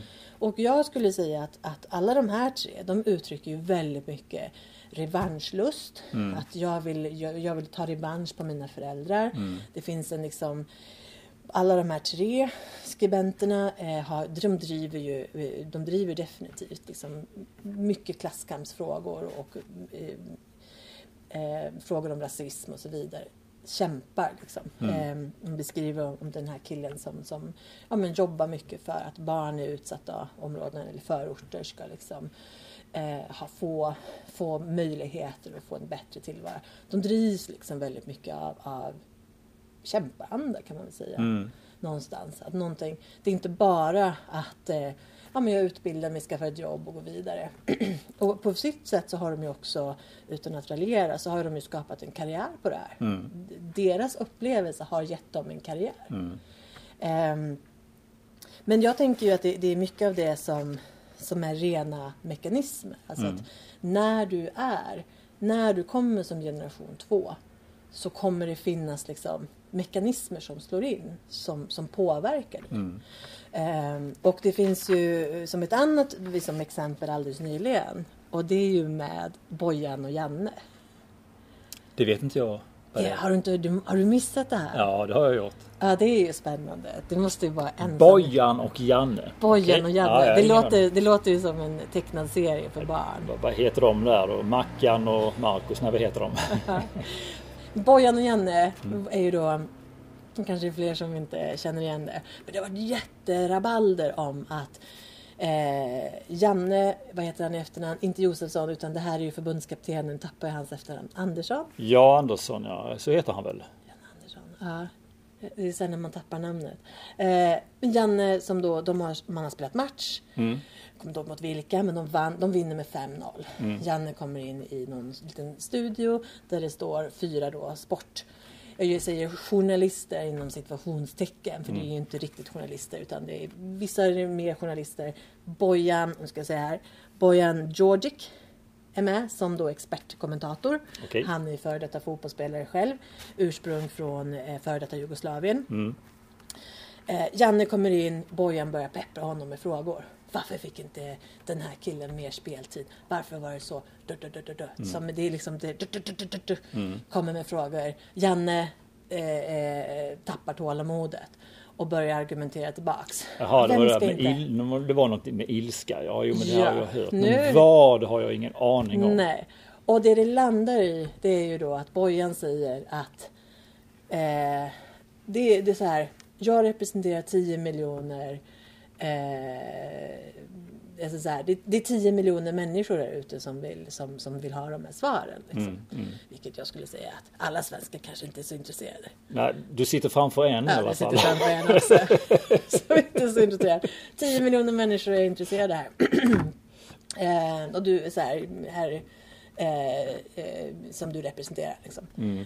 Eh, och då så säger väl nu, nu, ord, nu ger inte jag det här eh, riktigt rätt. Utan det, får man väl, det finns klipp på det här som är väl sedda. Eh, men Janne säger liksom att så här, ja men vad representerar du då? Och då tolkar ju Bojan det som att eh, du inte är svensk. Som en förolämpning, att du är ju jugge. Okej. Eh, så, så det är bara... Alltså Janne blir utmålad som jugoslav. Nej, Nej. Janne liksom säger till Bojan. Eller Ja, okej, Bojan okej. tar väl det som en förolämpning. Ja, okej. Skulle inte jag representera Sverige? Mm. Vem, vad, vem, vad representerar du? Mm. Om jag, så här, du, jag representerar 20, 10 miljoner invånare. Vad representerar du? Mm. Ja, det är inte svenskarna. Du, tycker du att jag jugge liksom? Och han börjar hugga på det och blir jätteförolämpad. Eh, Det, det är liksom helt clashar och efteråt så fick de ha en gemensam presskonferens där de går vidare sen så här, diskuterar det och Bojan uttalar sig att ja, det är förlåtet men det är inte glömt och det sprids det citatet. Och... Men sen så intervjuar, han blir intervjuad sen i Sveriges Radios söndagsintervju, det är väl på P1 tror jag, som jag lyssnade på. Eh, och, eh, och han är ju också då andra generationens invandrare. Ja, jo. Ja. Eh, och jag menar, han har ju sina... Jag glömde, vad är det han heter?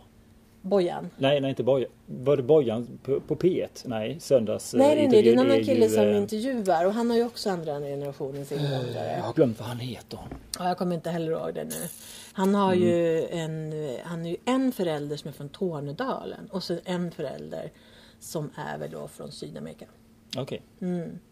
Så också eh, med en mixad bakgrund.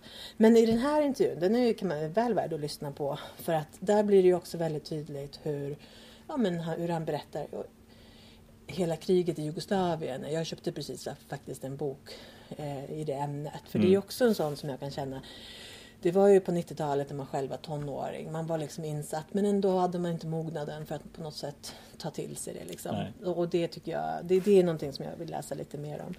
Um, men jag menar att det, det, är så stor skillnad också hur man kommer hur man byter situation, hur man mm. byter miljö. Om du, jag tänker mig som när man lämnade Iran till exempel för att det, det man bytte regim. Eh, eh, och man såg att då kanske man mer flydde för att i förebyggande syfte mm. på ett plan. Eh, men när man då flyr från ett liksom, konkret krig då är, det, då är det en upplevelse. Eller om man liksom kommer, ja, som, det finns ju många olika skäl till att mm. man, om man till exempel kanske är homosexuell eller liksom flyr av någon annan anledning. Ja. Så alla har ju sina liksom historier och mm. sina trauman liksom, mm. att bearbeta. Och när man lyssnar på honom så får man ändå känslan det här är ju en person som jobbar väldigt mycket med att hantera sina mm. trauman. Mm. Samtidigt så blir det ju också tydligt att det, när det blir en trängd situation så bubblar det ändå upp där. Måste försvara sig. Mm. Alltså så här, nu, nu är det någon som attackerar mig. Jag måste mm. upp med garden. Jag måste puckla på själv mm. så att inte, så att inte jag eh, jag går under. Man ska säga. Mm. Jag måste försvara mig. Mm. Eh, och han beskriver om och om igen att jag vill bara bli förstådd. Jag vill bara bli älskad. Eh, jag vill bara att, att liksom folk ska se mig och förstå vad jag har gått igenom. Men det man också så tänker men Janne har ju också gått igenom saker såklart. Mm. Alla människor har ju sina historier. Absolut, ja. Oh ja, oh ja. Ehm, och att, att jag tror att det, samma sak då med, med, från honom och till de här andra. Mm. Jag tror att det finns en, en risk i det här att man gör en gruppering med vi som har den här upplevelsen, vi som har kommit till Sverige. Mm. Vi som upplever folk som säger var kommer du ifrån? Vad har mm. du för historia? Mm. Att man känner en samhörighet där. Istället för att kanske se likheterna mellan så här, ja, du blir mobbad, jag har blivit mobbad. Exakt.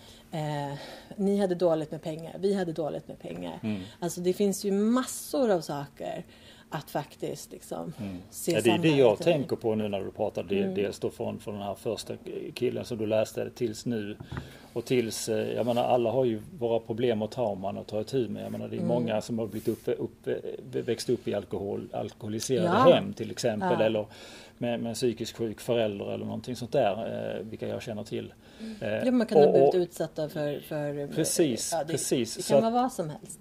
Så att eh, jag kanske lite grann ifrågasätter samtidigt som jag förstår att man, man lyfter ut de från förorten då eh, för att se som socioekonomiska faktorer och hela den biten där och svårigheterna där. Absolut att det är svårigheter, mm. definitivt. Sen som jag sa också, det är liksom att se saker och ting över tid också. Jag menar om vi tittar på de sista hundra åren, hur har människan fått det? Ja, människan har fått det bättre. Eller mm. vi kan ju mm. läsa där Hans Roslings bok till exempel ja. och se att allting blir bättre och bättre. Mm. Och att vi kanske måste acceptera också att vi har det som vi har det just nu. Mm. Men också att vi ska få en förändring i framtiden. Jag menar hur ser Sverige ut om hundra år? Ja det är kanske ganska bra då. Mm.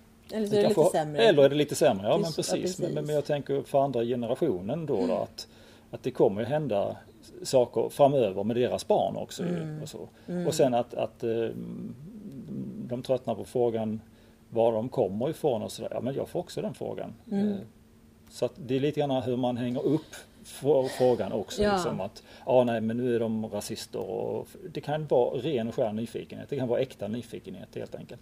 Ja, jag tror ju, jag tror ju att det är lite, eller så här, man kan inte pracka på någon annan vad de ska tycka och göra. Nej. Men ett litet önskemål är väl kanske att liksom så här, se personen som du har framför dig också. Mm. Innan du så här, backar lite från den här kanske initiala reaktionen. För mm. den initiala reaktionen är kanske inte obegriplig. Om, om en person eh, på tunnelbanan skriker åt dig att du, du är en blatte, du ska lämna Sverige. Mm.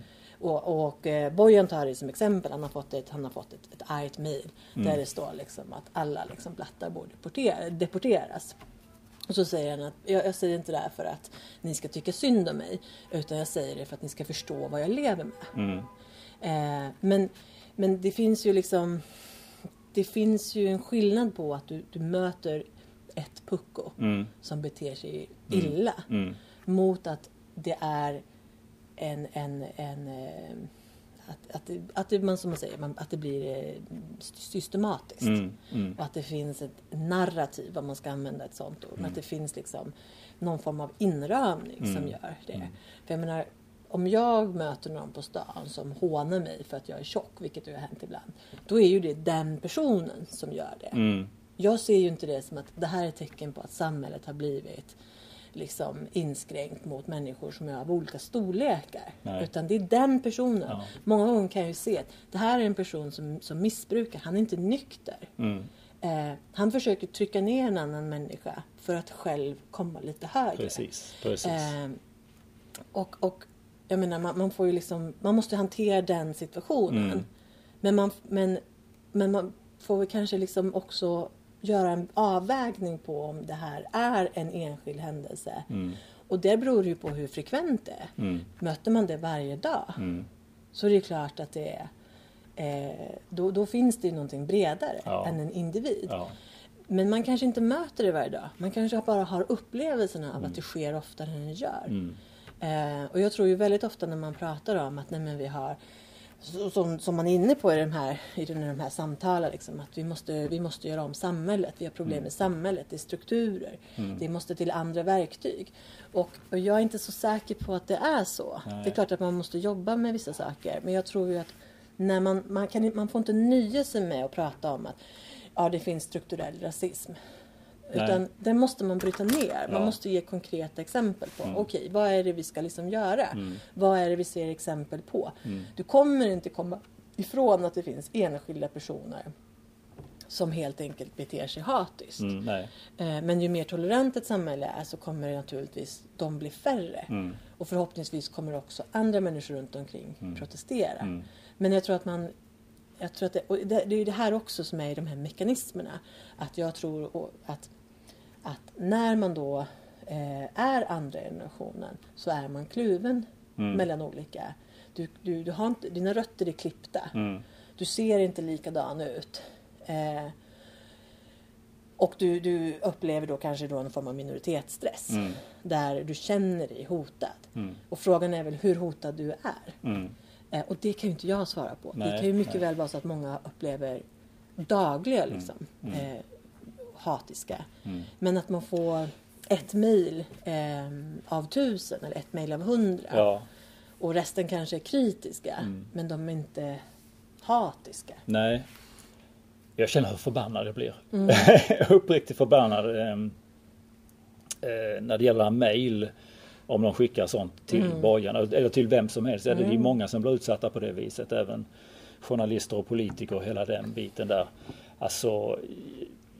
Jag tycker sånt är vidrigt. Mm. Eh, ja, Jag blir förbannad. Ja, och upprörd. Ehm, Och det tycker jag inte någon ska behöva. Man ska, eh, alltså, om saker och ting sk- skulle vara på det sättet om man slutar liksom att, att tänka eller att man slutar att vara politiker eller journalist i det här fallet då, Mm. då för en sån sak då eh, ja, jag tappar Ja. ord.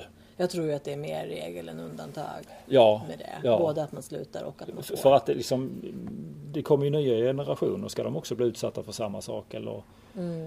eh, hur ska vi få nya politiker och nya journalister Mm. till att ställa upp liksom för att försöka göra samhället bättre? Mm. Ja, jag tycker sånt det, det Jag tror att man måste hantera det. Jag Ja, tror, jag det är tror, absolut. Jag tror Det- att man måste förstå liksom att, som sagt, människan har bättre sidor och människan har sämre sidor. och Mm, vi måste mm. hantera de sämre sidorna. Ja. Jag tänker till exempel att man måste stoppa liksom, de här direkta kanalerna in till olika personer. Mm. Alltså en politiker ska inte ha liksom eh, kända mejladresser. Man får ju ha dolda mejladresser. Ja. Som är så här, det här är min privata mejladress. Mm. Du får jättegärna skicka ett mejl hit. Men det hanteras av, ett, av en filter. Att Ja. Det vill säga antingen har man något, något, eh, något eh, datoriserat filter. Eller så har man både och också att någon annan. Vilket känns så rimligt. Mm. Förr i tiden så hade du, om du hade en programledare eller en sportjournalist på Sveriges Television. Och någon blev arg och de skickade. Då skickade ju de det till kanalen. Mm, Och så ja. var det någon som läste det. Och om man för det första upptäckte det som ett hot. Då rapporterade man väl det till sin säkerhetsavdelning. Eh, för att göra en bedömning. Är personen hotad? Och för det andra så kanske man inte liksom skickade dem vidare. Så här, du här Nej, just det. dagens hatsköt. Ja. Vi har liksom sorterat dem. Så här är de trevliga mejlen. Och här har du de som bara vill att du ska deporteras. Liksom. Det gick väl aldrig fram.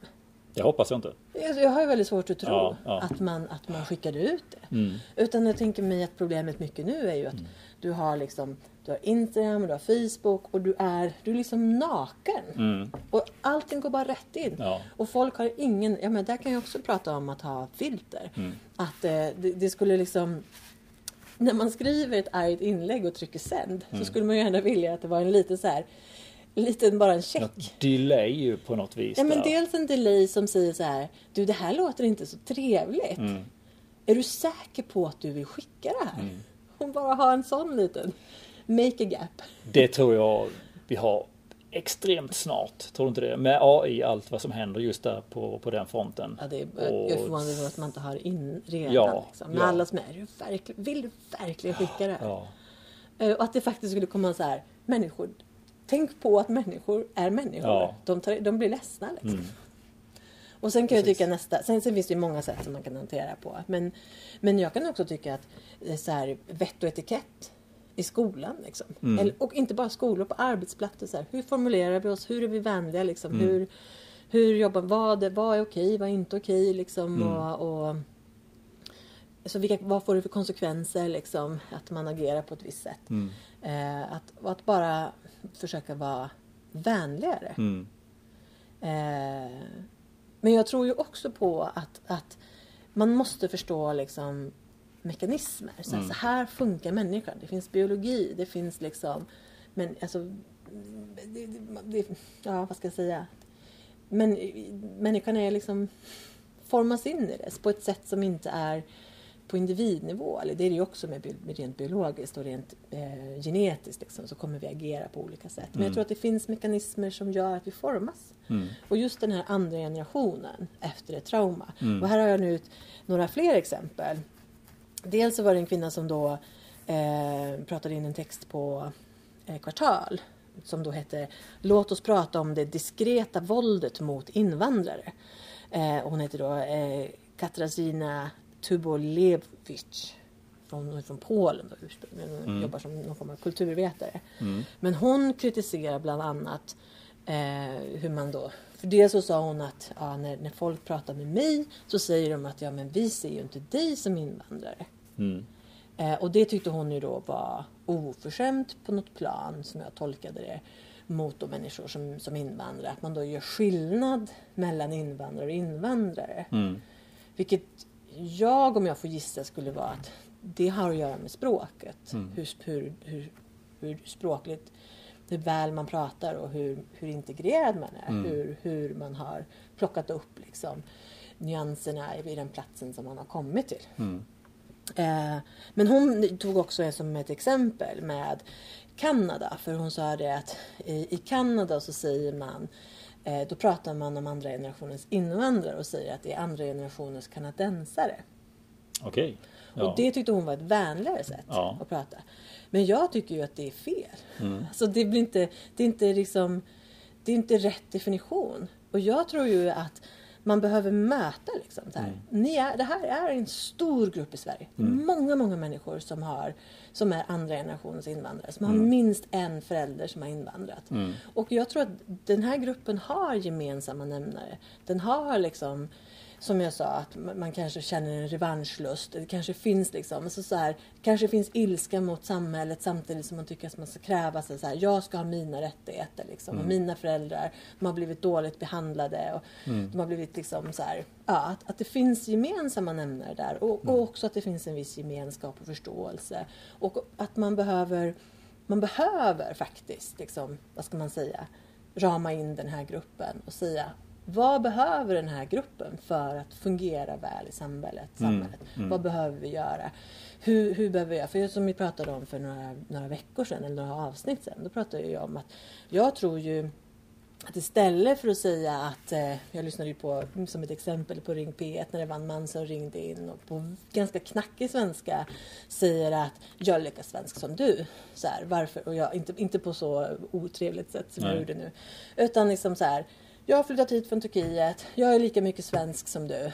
Eh, så jag, så här, jag tycker inte om den här, jag kommer inte ihåg vad de pratade om. Mm. Men där man ändå säger så här, fast du är ju inte lika mycket svensk som jag. Mm. Och det är inget problem. Nej. Utan du är turk som har flyttat till, Svens, Mm. liksom som, som har flyttat till Sverige. Och som tar, tar sig an det svenska. Mm. Som lär sig det svenska språket. Som lär sig liksom hur fungerar saker och ting i Sverige. Mm. Det är inte enkelt. Det, och det, det är ingenting, alltså alla de här nyanserna i i att vara svensk eller norsk eller turk eller kines eller japan eller någonting. Det är inte lätt. Du, du plockar inte upp det på i en handvändning. Kanske inte på 20 år eller 30 år eller liksom en livstid. För att det är, det är inte enkelt. Och Nej. istället för att säga så här, ja men jag är ju turk.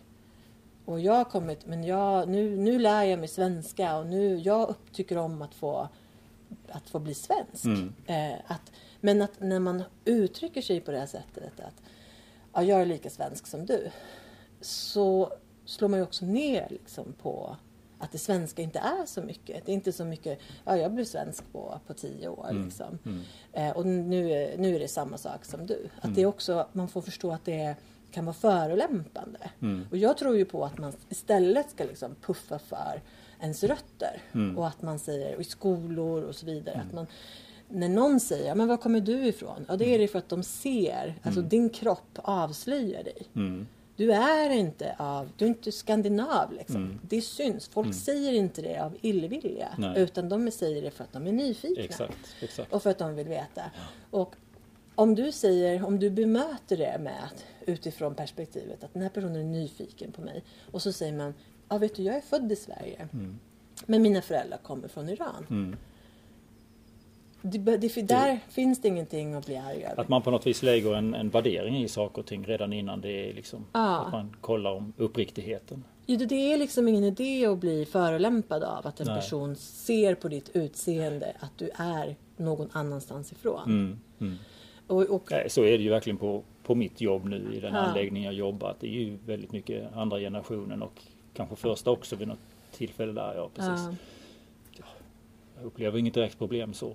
Det, nej. det, Nej, det behöver det ju inte vara. Men jag tänker ju att det finns en massa människor ute som kanske just känner igen sig där. Det finns en ilska, det finns Mm. revanschlust Mm. och så vidare. Och här tänker jag ju vad får det för konsekvenser för dem själva? Mm. Och vad får det för konsekvenser liksom, i samhället? Mm. Den här killen som då han jobbar som politiker, han är på Rädda Barnen, han är på Amnesty. Mm. Hur påverkar det liksom alla de organisationerna? mm. hans erfarenheter och de mekanismer Ja. som präglar honom och om han då känner ilska och revanschlust och så vidare. precis. Så allting får ju liksom ringa på vattnet. Nu säger inte jag, nu kritiserar jag inte honom på något sätt för han gör säkert ett jättebra jobb. Mm. Eh, men jag tänker mig att, att ja, beroende på Mm. så, så kan det, det, det kommer att ha påverkan. Mm. Eh, och jag, nu ska jag försöka korta ner här. Mm. Eller, vi kommer att avrunda lite för tiden går. Tiden går. Det går alltid så fort. Men jag tyckte att det också var Jag lyssnade på en annan söndagsintervju och det var då med, med Ann-Helén Lestadius. Och det här är ju då en, en författare som är eh, hon är same och hon är hennes andra förälder är från Tornedalen. Mm. Eh, Det hade jag kunnat säga utan att veta. ja, Med tanke på efternamnet. ja, men hon beskriver ju också hur arg hon är Mm. över hur samerna har blivit behandlade. Ja. Och hon säger uttryckligen att jag kan inte förlåta vad de har gjort, vad Nej. svenska staten har, hur, vi, hur de behandlade samerna och så vidare. Mm. Så hon var ju, och det var liksom väldigt mycket det den här intervjun kretsade kring, var ju att den här ilskan, revanschlusten, eh, att eh, eh, upprättelse och så vidare. Och det tänker jag, det är samma sak där. Att du har andra generationen till då det här traumat. Mm. Föräldrarna som känner att föräldrarna har blivit kö- överkörda och blivit illa behandlade och att det finns ett behov av att, för revansch. Liksom. Mm. Och hur det präglar ens tillvaro. Det kan ju vara en drivkraft såklart för att göra bra saker i hennes fall. Om hon skriver och så vidare. Men hon beskrev också för att hon hade en son som var tonåring eller kanske knappt 20. Och han hade ju ingenting av det här Nej. ilskan. Nej. Så att, att det just är den här andra generationen. Eh, och jag lyssnade på, för att jag tänker att det finns andra delar i det. Dels eh, som jag då tog med mig i boken med eh, Arash Shanari som skrev boken Sverigevänner som handlar ju om hans föräldrar. Han kom från, kommer från Iran med sina föräldrar på 80-talet. Och hur, hur hans, han, både han och hans pappa skriver dagböcker. Och han, när han går tillbaka till de här dagböckerna så upptäcker ju han hur hans pappa, eller han själv, går ju från att bli mer och mer och mer. Alltså han går från att vara lite nedstämd över liksom känna sig alienerad och utanför och liksom, till att mer och mer integreras i Sverige. Medan för hans pappa så är det lite omvänd resa, att en väldig optimism och sen drabbas, eller präglas han av arbetslöshet och liksom svårigheter att komma in i samhället. Ja. Och det snarare liksom går åt motsatt håll. Eh, och, och den skulle jag säga, den här berättelsen präglas ju mer av sorg. Och det tror jag också är, en, det är ett annat utslag av de här mekanismerna. Liksom, Av att då, jag, jag tror att man skulle behöva förstå mer. Vad händer när man kommer som andra generationens invandrare? Eller då andra generationen efter ett trauma. Det finns ju efter förintelsen och, ja. och sa, alltså så här, det finns ju många sådana saker men där man kanske har ett behov av att liksom förstå vad det är man känner och också hitta någon form av försoning Ja. till liksom det förflutna. Man behöver inte förlåta. Nej. För, för att det, det här gillar jag inom judendomen där man säger att det är bara offret som kan förlåta. Det vill säga att mord kan inte förlåtas. Mm. Och det tycker jag är väldigt tänkvärt. Mm. Men som en sista då, så ska jag, som man kan skicka med, som man kan lyssna på. Eh, det var ju då med, eh, för jag lyssnade på Rak Höger med Ivar Arpi och han intervjuade Kejsar Mahmoud som då är, han är då från Pakistan Mm. ursprungligen. Hans pappa arbetsinvandrade till Sverige. Mm. Eh, och han har nu skrivit nu den här killen en bok som heter En av dem. Mm. Eh, som handlar om att han, eh, han eh, ger sig ut som Foodora-bud. Mm. Eh, Ja, just det. Det Ja. har jag hört talas om. Ja. Mm. Och han, det här, den, den intervjun, den tyckte jag var ett så otroligt talande just för det här. För han, han beskriver ju att under alla år så har han ju som kämpat med vad är svenskhet, hur är det med mångfald, liksom hur, hur fungerar det och så här. Men han kände jag, han hade försonats med det. För att jag tror att det är Arash, möjligtvis ehm, i, vad heter det, Hur kan vi, nu tappar jag hans namn, Hur kan vi podden som nu har lagts ner. Men, eh, Ja, det var ju vår vi- inspiration där. Eh, Ja. det, det, po- det poppar upp. Ja, det poppar Eh, upp. Vad irriterande. Men ja. jag, jag tror att det kan ha varit Arr som, som pratade om föräldragenerationen då som den förlorade generationen. Och det är ju Mm. väldigt mycket det de beskriver också. Liksom, så här. Föräldrarna de har liksom gett upp sin, sina kanske karriär, möjligheter där de får, får, får vara i sitt esse. Mm. Men de, så har de kommit till en ny plats. Men han beskriver ju, med Keiser beskriver ju då att men de har ju gjort det här för oss. Mm. De gjorde den här uppoffringen för att vi skulle få det bra. Ja. Eh, och som verkligen har en väldigt, hade en väldigt positiv syn i det. Eh, inget av det här revanschlust, så här, utan jag upplevde det som ren så här, försoning. Alltså verkligen har landat i, i vad det innebär. Och att ja, mina föräldrar jobbar jättemycket, de tog alla jobb. Det var inget fel med de jobben. Nej. De städade, de gjorde jobba på restaurang. För, för det är ju det som, som de beskriver här, lite nedlåtande. Du ska serva andra. Det är inget fel med det Mm. Nej. liksom. Flyttar man till ett land, man kan inte språket, det är svårare att komma in, då får man ta de jobben som finns. Mm. Det är ju en väldigt krass effekt av, Mm. av att, att emigrera. Men jag tror ju liksom att det är, ja som sagt, Mm. det finns mekanismer som man behöver prata om. Och bara en sån, den här obalansen som uppstår mellan barnet och föräldern för att barnet kan ta till sig nytt språk. Mm. Och föräldern kan inte göra det på samma Mm. sätt. Nej. Den tror jag man måste förstå. Mm. Att, eh, och kunna ha, som barn ha förståelse för att min förälder fick gå igenom någonting helt annat. Mm. Och man kanske måste använda sig av det inom SFI-utbildning till exempel. Ja. Ja. jag ska avrunda där. Ja, Men ja du sa mycket som, eh, som jag ändå själv tänkte på att säga Mm. just om, om det här med sorgen och sådär. Jag, jag kan känna Mm. mig lite ledsen på något vis när jag hör om, om det här med hämnd och hela den biten. Mm. För vad skulle ge upprättelse? Vad skulle ge tillbaks en värdighet Ja, nu. värdighet, var, det så ordet använder inte jag, men det använder de mycket i det här. Ja, Att föräldrarna har förlorat sin värdighet. Precis, precis för att jag, jag tänker liksom på, på eh, Svenska kyrkan som har bett om samerna om ursäkt Mm. två gånger till och med. Ha, då funderar jag liksom, har det hjälpt? Mm. Eh, eller ja, använder man det på något sätt? Nej men sorgen är, tänker jag, väldigt viktig. Det pratade jag om innan idag i mitt eh, videoklipp när det gäller Då strategier och Mm. måste du sådana säga saker. din hemsida, vart man hittar det. Eh, Ja, var hittar man det? Superkommunikatören på Youtube och sen så finns jag som Niklas Agnesmed på Facebook. niklasagnesmed.se är min he- hemadress, hemsidesadress. Och den kan ju lägga som länk där, det har inte jag tänkt på faktiskt. Nej, men gör det. det. gör jag. Det gör jag. Mm. Nej, då pratar jag om strategier och eh, sorgen. Eh, nej, ni får lyssna så, så förstår Ja, ni. och jag tänkte säga som, bara som en avslutning att en intressant parallell är ju faktiskt att eh, man tar Hanif Bali som då invandrade till Sverige fast utan föräldrar. Alltså hans biologiska föräldrar var ju inte med. De skickade honom till Sverige. Okej. Där han växte upp med andra. Och jag tänker att det är en förklaring till att han har inget sånt. Han har ingen revanschlust eller något sånt. Nej. Inget, inget alls utan tvärtom är, ja men lever med idag med en, eh, en kvinna av mer klassisk skandinavisk, så här, Mm, blond och, mm. och, och de har barn ihop och, och lever liksom verkligen Svenssonliv. Han upplevs på många sätt som, han har en helt annan liksom, Mm. värdering. Och jag skulle säga att han, ja där slapp han liksom Mm. den, den eh, problematiken.